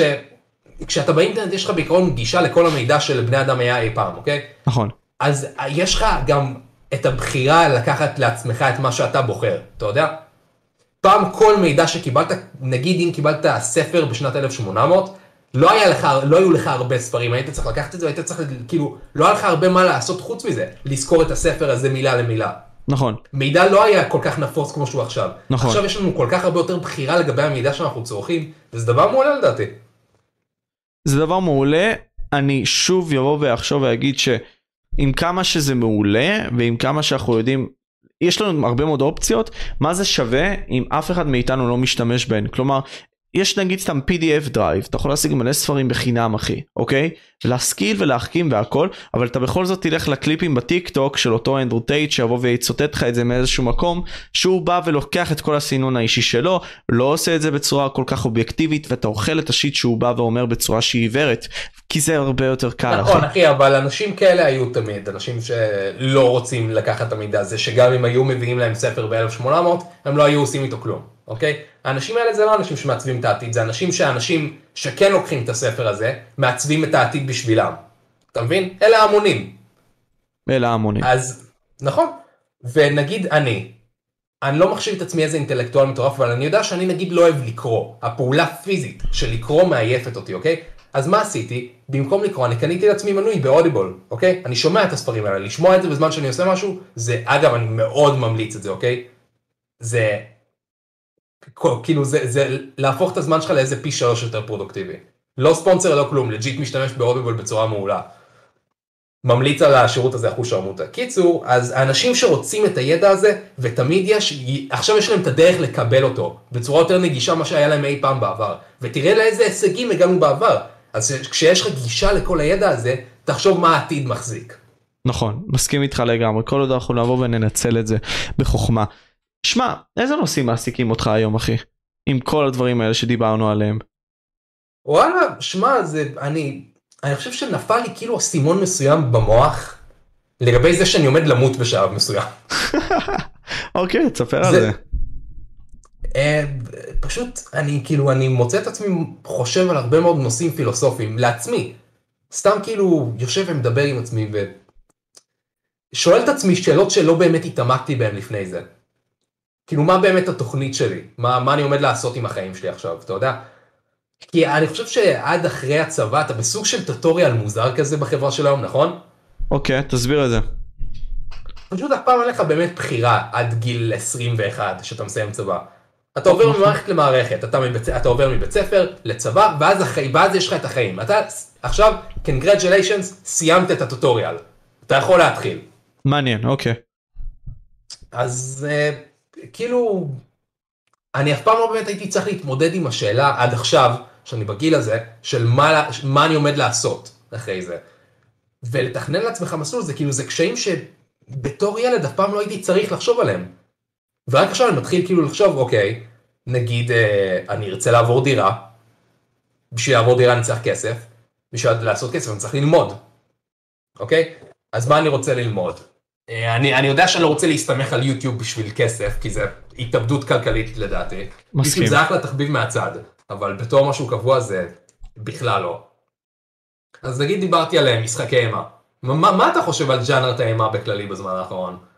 משחקי אימה ספציפיים במחשב. משחקי אימה, לא יודע אחי, פחות אטרקטיבי מפעם, לא יודע למה, לא יודע איך להסביר את זה גם. כאילו, זה, זה פשוט איבד מהסנס המגניב שהיה לזה פעם. כלומר, אני לא יודע אם זה כשהייתי צעיר יותר אהבתי את זה, כמו שפשוט אולי המשחקים עצמם נעשו פחות מעניינים וכיפים. המשחקים עצמם נעשו פחות מעניינים בגלל שאני חושב שפיק האימה, כאילו באמת שזה נהיה פופולרי, זה היה בסביבות כזה 2012, עם שמשחקי. מחשב, כן, שמשחקים מפחידים וסרטים מפחידים באמת נהיה משהו שהוא מיינסטרים, אוקיי? שזה לא נהיה, כאילו, זה לא מוזר להגיד עכשיו אני אוהב סרטי אימה. אבל אני חושב שבגלל שזה נהיה משהו כל כך מיינסטרימי זה נהרס כמו הרבה דברים מיינסטרימיים, כמו נגיד הסרטים של מארוול. אה, והרבה מאוד אנשים מבססים פחד על יכולת להבהיל, אוקיי? תסתכל היום על רוב הסרטים, הם פשוט כאילו מעבירים אותך מ jumpscare ל jumpscare. jumpscare זה לא דרך להפחיד אנשים, ג'אמפסקר זה פשוט דרך להקפיץ אותך עם משהו שאתה לא מוכן אליו, ולהריץ לך דופמין כדי שת- שתאהב את זה, אוקיי? כי זה מה שלהבהיל אותך עושה. אני חושב שבאמת להפחיד מישהו, זה לגרום לו להרגיש לא בנוח כשהוא יודע שאין סכנה כלשהי בחדר שלו.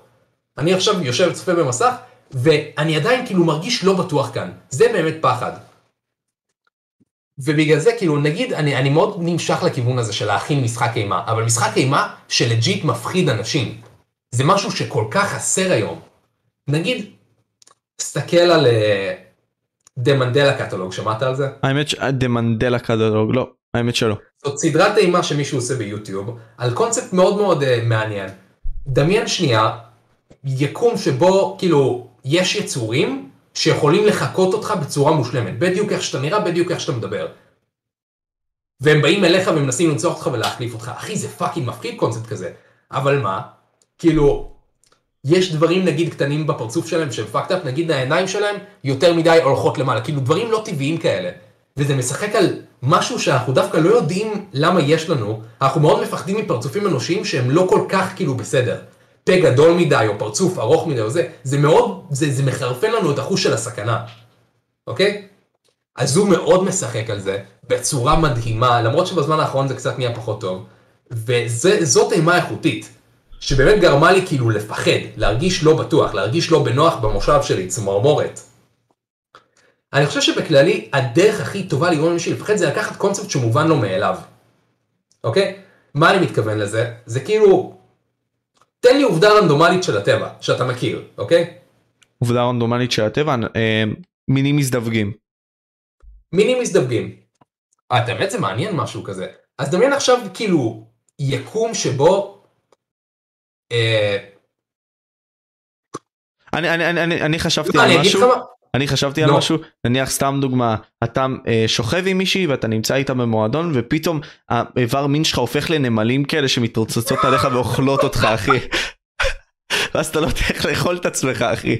כאילו עוד. כמו- אחי זה נשמע כמו פרודיה על סרט אימה, הזין שלי הופך לנמלים. איפה הבאת את זה? לא יודע, לא יודע אחי. לא, אבל קונספט באמת קריפי לדעתי, דמיין נגיד יקום שבו בלי הסבר, תפסיק לחשוב על הנמלים שנייה. דמיין שנייה יקום שבו בלי הסבר, out of the blue, שום יצור לא יכול להזדווג יותר. זהו, end of the world scenario. אוקיי. אתה יכול לדמיין כאילו מה זה יעשה לאנשים? זה כאילו הדור הזה הוא הדור האחרון. לא משנה כמה אתה מזיין מישהי, לא משנה כמה אתם מנסים, אתה לא יכול להכניס מישהי להיריון, לא אתה ולא אף יצור. כאילו שכפול נגמר. כן. אתה מבין? כאילו הקונספט של איך עולם כזה יכול להיראות, כמה זה יכול לחרפן אנשים, לאיזה זוועות זה יגרום, זה מפחיד אחי, זה מלחיץ, זה כמו מלחמה בתכלס. אז אתה רוצה להראות באמצעות תרחישים די הגיוניים של המציאות שאולי גם לא יקרו אבל ההיגיון שלך יכול לבוא ולהסביר אותם אז אתה רוצה ליצור את התרחיש הזה. ש... לקחת משהו שבן אדם חושב עליו כמובן מאליו ולדפוק לו את זה זה אחד הדברים הכי מפחידים. נגיד בוא ניקח דוגמה שאני מאוד מאוד אוהב, uh, השמש, עובדה מאוד ידועה מאז שחר האנושות, השמש זורחת, אוקיי? מה יקרה, עכשיו יש סיפור שנקרא uh, When Day Breaks, שזה בעיקרון אומר שיום אחד, משום מקום, כל אחד שנחשף לאור של השמש התחיל להינמס. literally להינמס, אוקיי? אני חושב שגם החוסר הסבר בדברים האלה, להסביר משהו הופך אותו לפי מיליון פחות מפחיד. הדבר שאנחנו כבני אדם הכי מפחדים ממנו, זה הלא נודע. אוקיי. Okay. אם אתה, כאילו נגיד גם uh, התקופה הכי מפחידה של ה Mandela Catalogue גם, הייתה שלא הבנו למה ה alternates קיימים. עכשיו אנחנו יודעים זה כאילו בכלל קשור לתנ"ך, והשטן עשה ככה וככה, זה פחות מפחיד. אבל כשאנחנו לא יודעים למה משהו קורה, כשאנחנו לא יודעים מה הסיבה לזה, אם יש סיבה בכלל, זה באמת מפחיד. והעובדה שהשמש פתאום out of the blue עכשיו ממיסה אנשים, זה קריפי אחוז שרמוטה. אז אתה אומר, חושב... אז אתה כאילו רוצה דבר? ליצור שינוי בז'אנר הזה? Uh, כן, זה, זה כאילו, זה קונספט מאוד על הנייר, לקחת משהו שאנשים רואים כמובן מאליו ולדפוק אותו, כדי ליצור קריפי, אבל זה גם עובד כל כך טוב ואף אחד לא עושה את זה. אני דווקא חשבתי על משהו מאוד מעניין, שאולי אני אעשה כאילו סדרת אימה עליו אם אני אעשה, נגיד מים. אוקיי? דמיין יקום שבו מים פתאום כאילו יכולים לזוז בעצמם, חיים. ומים שאתה שותה נגיד מזן מסוים יכולים לדפוק לך את הגוף, אתה מבין קונספטים כאלה. של disaster scenarios, משום מקום בלי הסבר, פשוט זה מה שקורה עכשיו כי זה מה שקורה עכשיו. Mm-hmm. דברים כאלה זה, זה, זה, זה כאילו משהו שמאוד מעסיק אותי, זה אחלה כיוון שאני מת ללכת אליו. וזהו, זה בצבא, אני מחכה להשתחרר. אתה יודע זה, זה, זה באיזשהו מקום די יופי אתה מבין אתה פתאום מבין שהחיים האמיתיים פאקינג דופקים לך בדלת אחי ואומרים לך גיא אחי you need to wake okay. up ופתאום אתה כזה אתה יודע אנחנו נמצאים כל כך תלותיים כמו שאתה אומר במערכות וכל כך תלותיים אחי מבחינה כספית באנשים שאנחנו באמת לא מבינים מה זה החיים האמיתיים אחי. נכון. ופתאום כשאתה רואה מיסים אחי? אוקיי זהו אני לא מקבל יותר פטור ממס אני fucking לא בצבא יותר אוקיי עברו חודשיים זהו כאילו אוקיי אני עכשיו צריך לבוא ולקבל ולשלם את זה אוקיי מאיפה? אוקיי אז אני צריך לעבוד אבל איפה אני עובד? כאילו אוקיי איפה אני טוב? מה זה אומר? משמעות החיים מה אני עושה? כל מיני כאלה ובהרבה מאוד מהמקרים וזה למה אני נותן פרופס הרבה מאוד פעמים לצבא הצבא דוחף אותך למים העמוקים מהר וזה מה שאתה כאילו זה מה שהעולם גם גורם לך לעשות. זה יכול להיות טוב זה יכול להיות רע אבל השאלה היא אם אתה מכין את עצמך מקדים, כאילו אם אתה עושה את זה לפני אחי, אתה מתכונן לזה.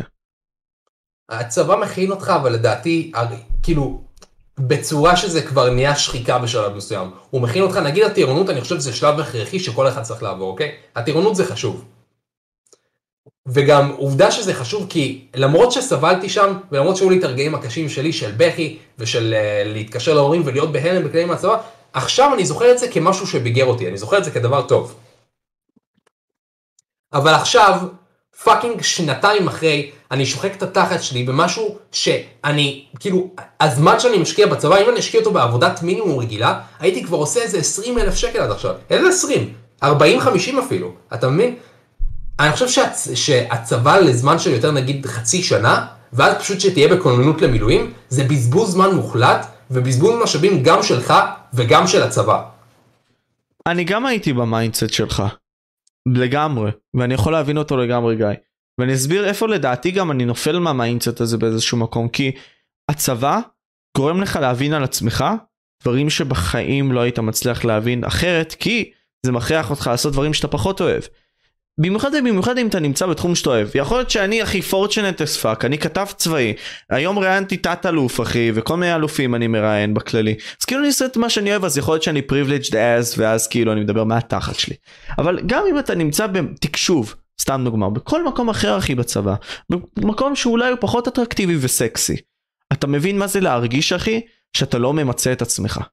עד כמה אתה רעב אחי fucking לעשות דבר שאתה אוהב. אתה לא יודע מהו אתה רוצה למצוא אותו. נכון, אבל אם זאת השיטה שבה אתה רוצה לתת מוטיבציה לאנשים, זה כמו כאילו, זה כמו להצמיד למישהו אקדח לראש באיזה סמטה, ולהגיד לו כאן אתה הולך למות, כאילו כמו Fight Club אחי. להצלים, להטמין למישהו אקדח ראש ולהגיד לו עכשיו אתה הולך למות ואז לא להרוג אותו. אז עכשיו הוא הרבה יותר יעריך את החיים, נכון? הוא ילך הביתה והוא יישן ויגיד תודה לאל שאני חי ואני מתכוון עכשיו לשנות הכל כי כמעט מתתי. אבל אתה, הנזק שעשית, הנזק הפסיכולוגי לפחות שעשית בזה שהצמדת לבן אדם אקדח לראש, לא הולך לשום מקום. זה עדיין נשאר שם.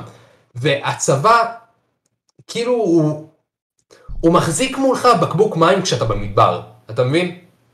הוא, הוא עושה את זה יותר מדי, זאת הנקודה שלי. אני לא אומר שלא צריך לשרת, כי צריך, פשוט לא לכל כך הרבה זמן. אוקיי, מעניין. איפה אתה משרת בכללי? אנשים שואלים בצ'אט. אני בנחשונים. בסיס נחשונים, זה ממש 10 דקות מראש העין. אחי, אוקיי. יש לי את השירות הכי טאש בעולם, אני עושה 5-9, אני, רוב הזמן שאני שם אני כאילו עובד על דברים שהם באמת מעניינים, יש לי אחלה של שירות, אוקיי? ומי שאומר שאני טבח, אני אהרוג אותך, כי זה לא נכון. אז אל תגידו את זה, לא רק טבחים עושים 5-9. אני מת. וואלה, אם מה, אני אהיה למה, מה אתה. עושה? אה, אני- רגע, אתה, נכון, אתה זה צבאי. אם אני אהיה בנחשונים אני, אני, אני זז בכל הבסיסים הצבאיים אז יש מצב אולי אני אראה אותך מתישהו. בכללי אני כתב צבאי אחי כאילו היום באתי וממש לקחתי חצובה. לקחתי מצלמה וראיינתי איזשהו תת אלוף אתה יודע מה גם חשבתי לעשות פודקאסט בצבא. כאילו אשכרה לראיין את התתי האלופים והאלופים כי אתה יודע, זה יכול להוסיף לרפיוטיישן אבל שוב אחי כאילו כל אחד והמטרות האישיות שלו וגם הפודקאסט אחי זה משהו שאני אקח איתו יותר את הזמן לחשוב יותר מה לעשות איתו כי תחשוב על זה גיא, כאילו אנחנו לא מבינים את החוזקה של הערוץ שלנו.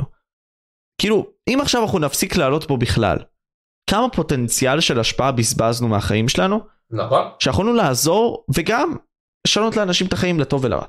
זה נראה לי. ה statement שאני הכי מסכים איתו שאמרת עד עכשיו, שאנחנו לא מבינים כמה השפעה יש לנו.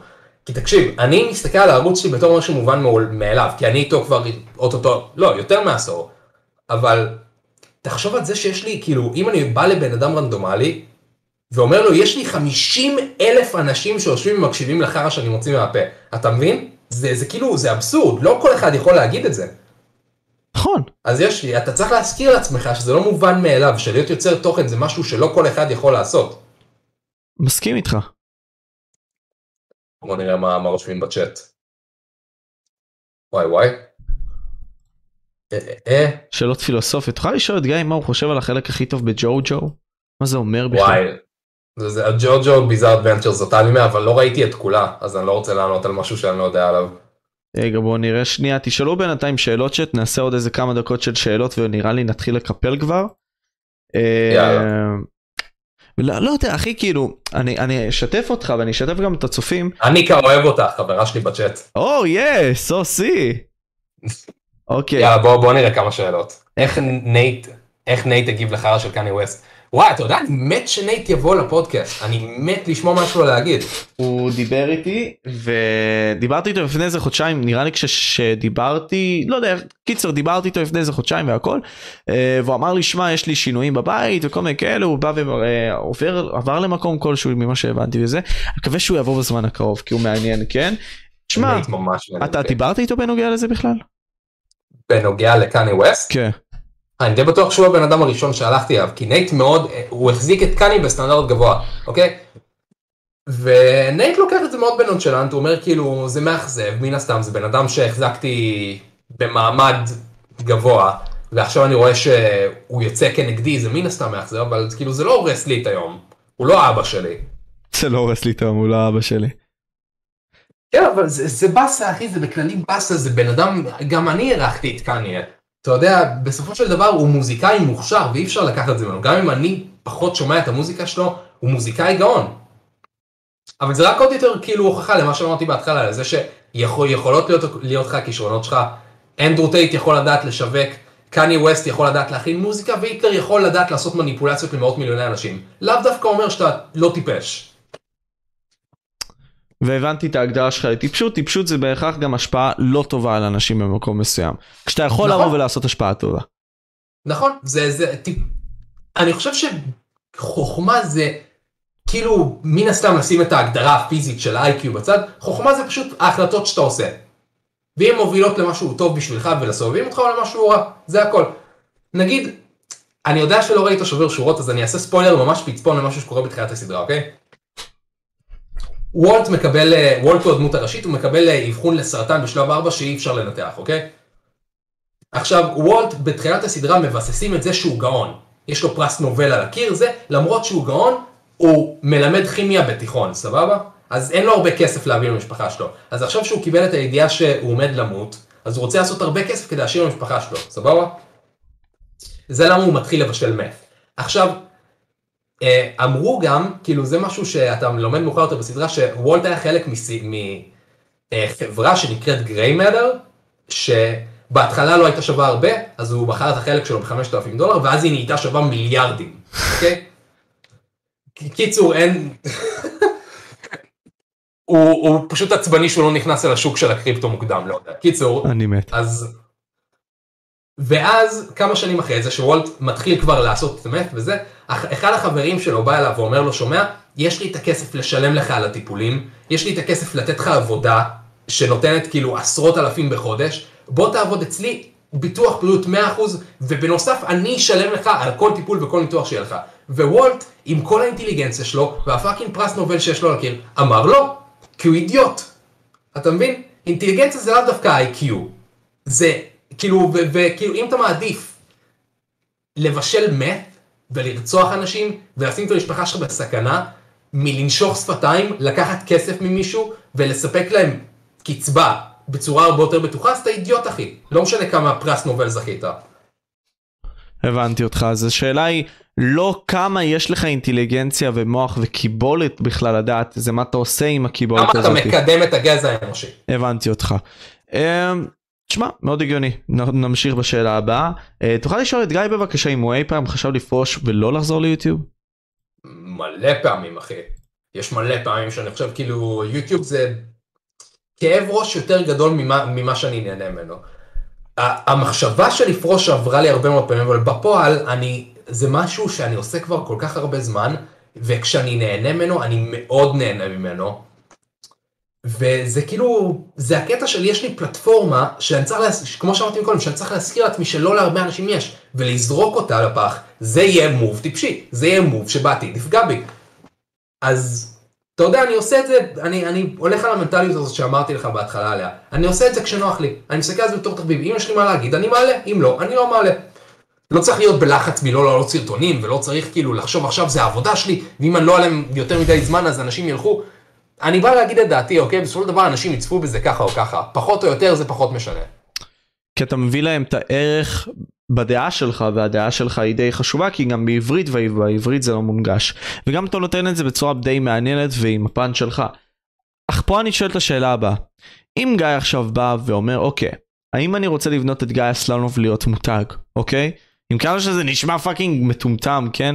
ועם כמה ש... אתה יודע, אני כבר מכיר אותך קרוב לעשור. כאילו מה זאת אומרת מכיר אותך לא, לא, לא פיזית או משהו אבל אני זוכר שעוד ב2014 הגבת לי לסרטון שעשיתי דאז אחי וכאילו גם הייתי רואה סרטונים שלך זה עשור זה הרבה זמן אחי fucking להכיר כביכול בן אדם מרחוק.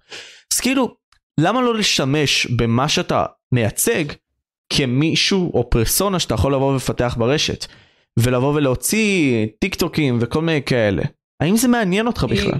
האם זה... זה... זהו, זה לא, אני בטוח שהדרך שאני אלך בה, שהיא דרך מאוד ממוצעת אחי, אני עומד ללמוד קוד, אני עומד לעבוד כנראה באיזו, באיזו חברת הייטק, ולפתח משחק, אתה יודע? אבל זה מה שאני רוצה לעשות, זאת הדרך הפשוטה שאני אהיה שמח בה. כי בתכלס, אתה יודע מה החלום הכי גדול שלי אחי? Okay. לא אוקיי. להיות איזה אינפלואנסר מטורף, אני רוצה לטייל בעולם.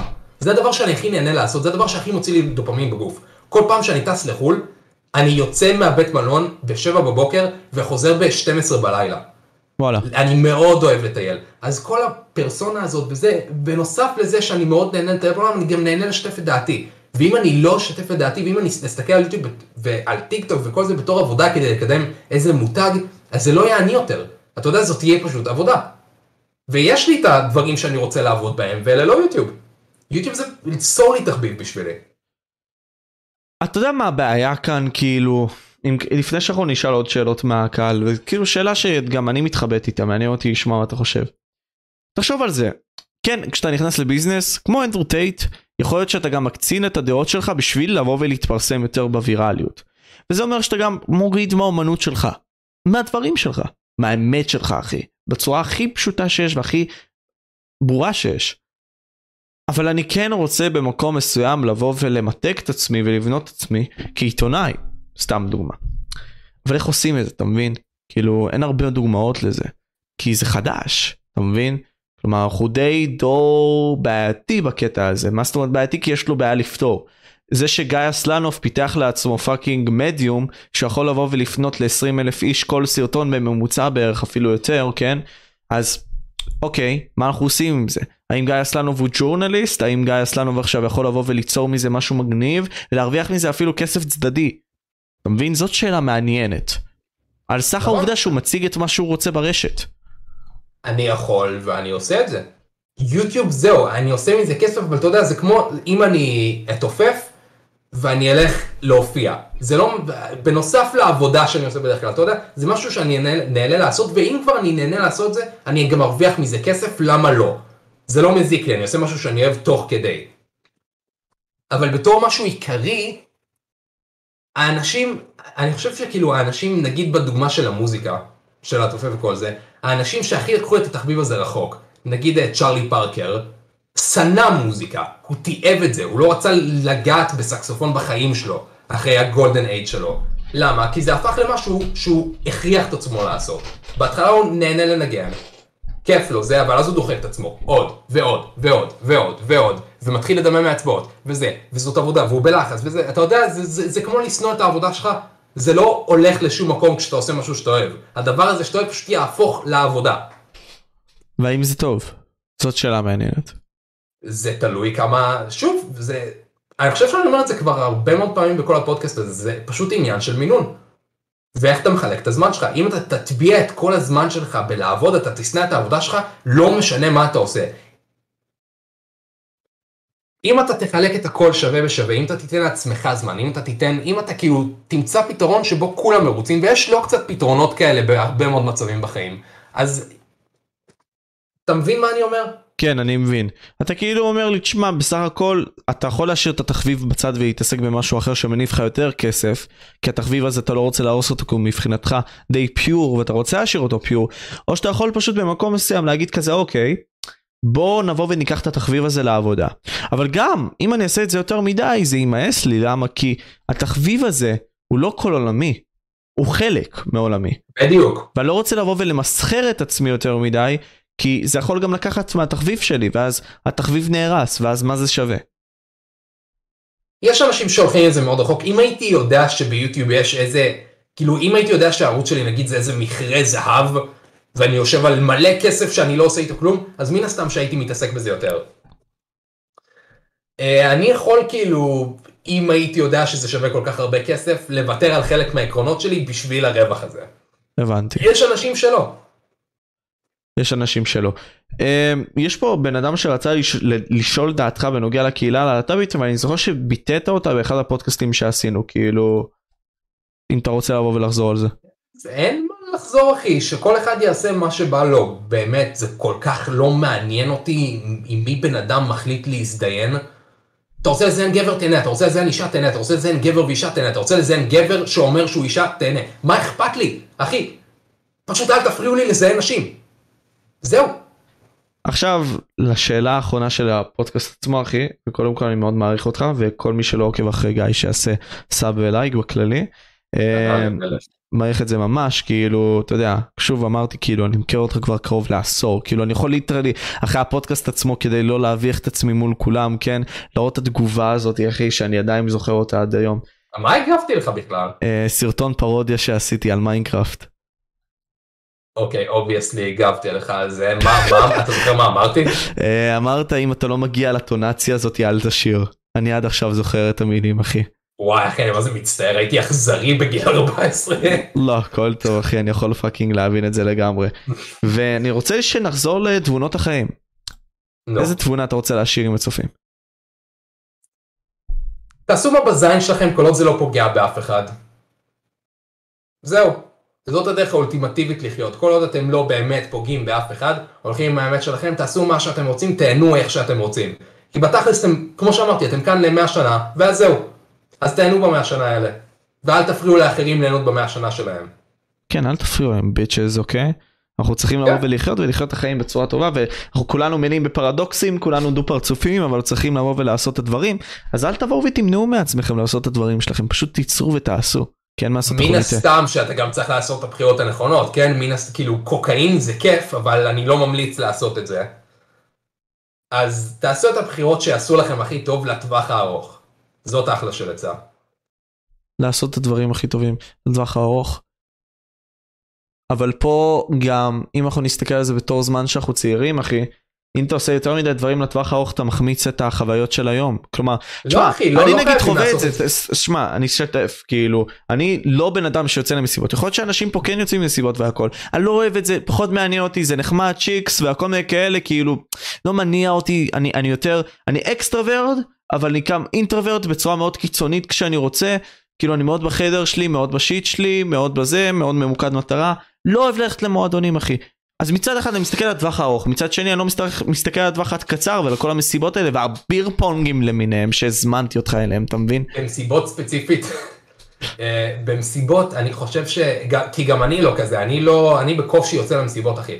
אני פשוט לא נהנה מזה. אוקיי? אני יכול לספור לך על יד אחת את כמות המסיבות שיצאתי אליהן בכל החיים. ואני חושב שלדאוג לאם אתה מחמיץ משהו, זה פשוט לא לקחת בחשבון את העובדה שאין לך דחף לעשות את זה. אתה לא רוצה. אתה מבין? אם אתה לא רוצה מלכתחילה לעשות משהו, זה... הסיבה היחידה שתעשה את זה חוץ מ... אם אתה רוצה זה לחץ חברתי. או ואני לא רוצה. לתת ל...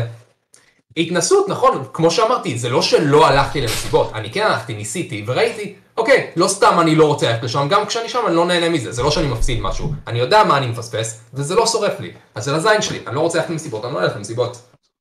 אם אני לא רוצה ללכת למסיבות אני לא אלך למסיבות ובכללי אבל ההחלטות החשובות בחיים, על זה אני מדבר, ההחלטות הבאמת חשובות, נגיד מקצוע ללמוד, או זה, אתה צריך כאילו לעשות אותם כמו שצריך, בצורה שתועיל לך לטווח הארוך, ולא נגיד, לא לתת למשהו זמני להשפיע על החלטות, החלטות שבאמת ישנו. נגיד, הזוגיות הקודמת שהייתי בה, אני נתתי לה- להשפיע על הרבה החלטות חשובות, אוקיי? ועד היום אני מתקן את זה.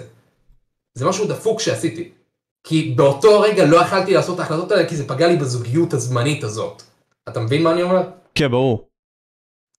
אז זה נגיד משהו שלא הייתי צריך לעשות, הייתי צריך לשים את הרגליים על האדמה ולהגיד, שומע, כאילו, שומע אחי, אתה צריך לעשות החלטות מסוימות גם אם הן פחות נוחות, כי בעתיד זה יועיל לך. לגמרי, לגמרי אחי. ואם צריך לבוא ולהיות לוחם בודד אחי, you're fucking do it, כאילו זה כן. בסופו של דבר אתה צריך לעשות דברים מסוימים. נכון אחי, בשביל להתקדם בחיים. העולם מתקדם, ואם אתה לא עושה, העולם ממשיך ואתה מאחור. תשמע אחי, אין לי יותר מדי לבוא ולהרחיב איתך, אני מאוד מעריך אותך ואוהב אחי, לגמרי. אה, ומקווה אחי, כאילו, אתה יודע, אותו משהו שיכול לעזור לך, אתה יודע, החיים מאוד גדולים, מקווה שפשוט תשפיע כמה שיותר אחי בצורה טובה. גם אני אחי, לא מתכוון להפסיק לפחות בזמן הקרוב. Let's go מאמן. טוב אני הייתי משה אנחנו מדברים פודקאסט וזה היה גיא אסלנוב האגדי והיינו פה ביי. הנה אנחנו בעוד פודקאסט של משה פבריקנט בואו נתחיל. כן שנייה. יאללה ביי.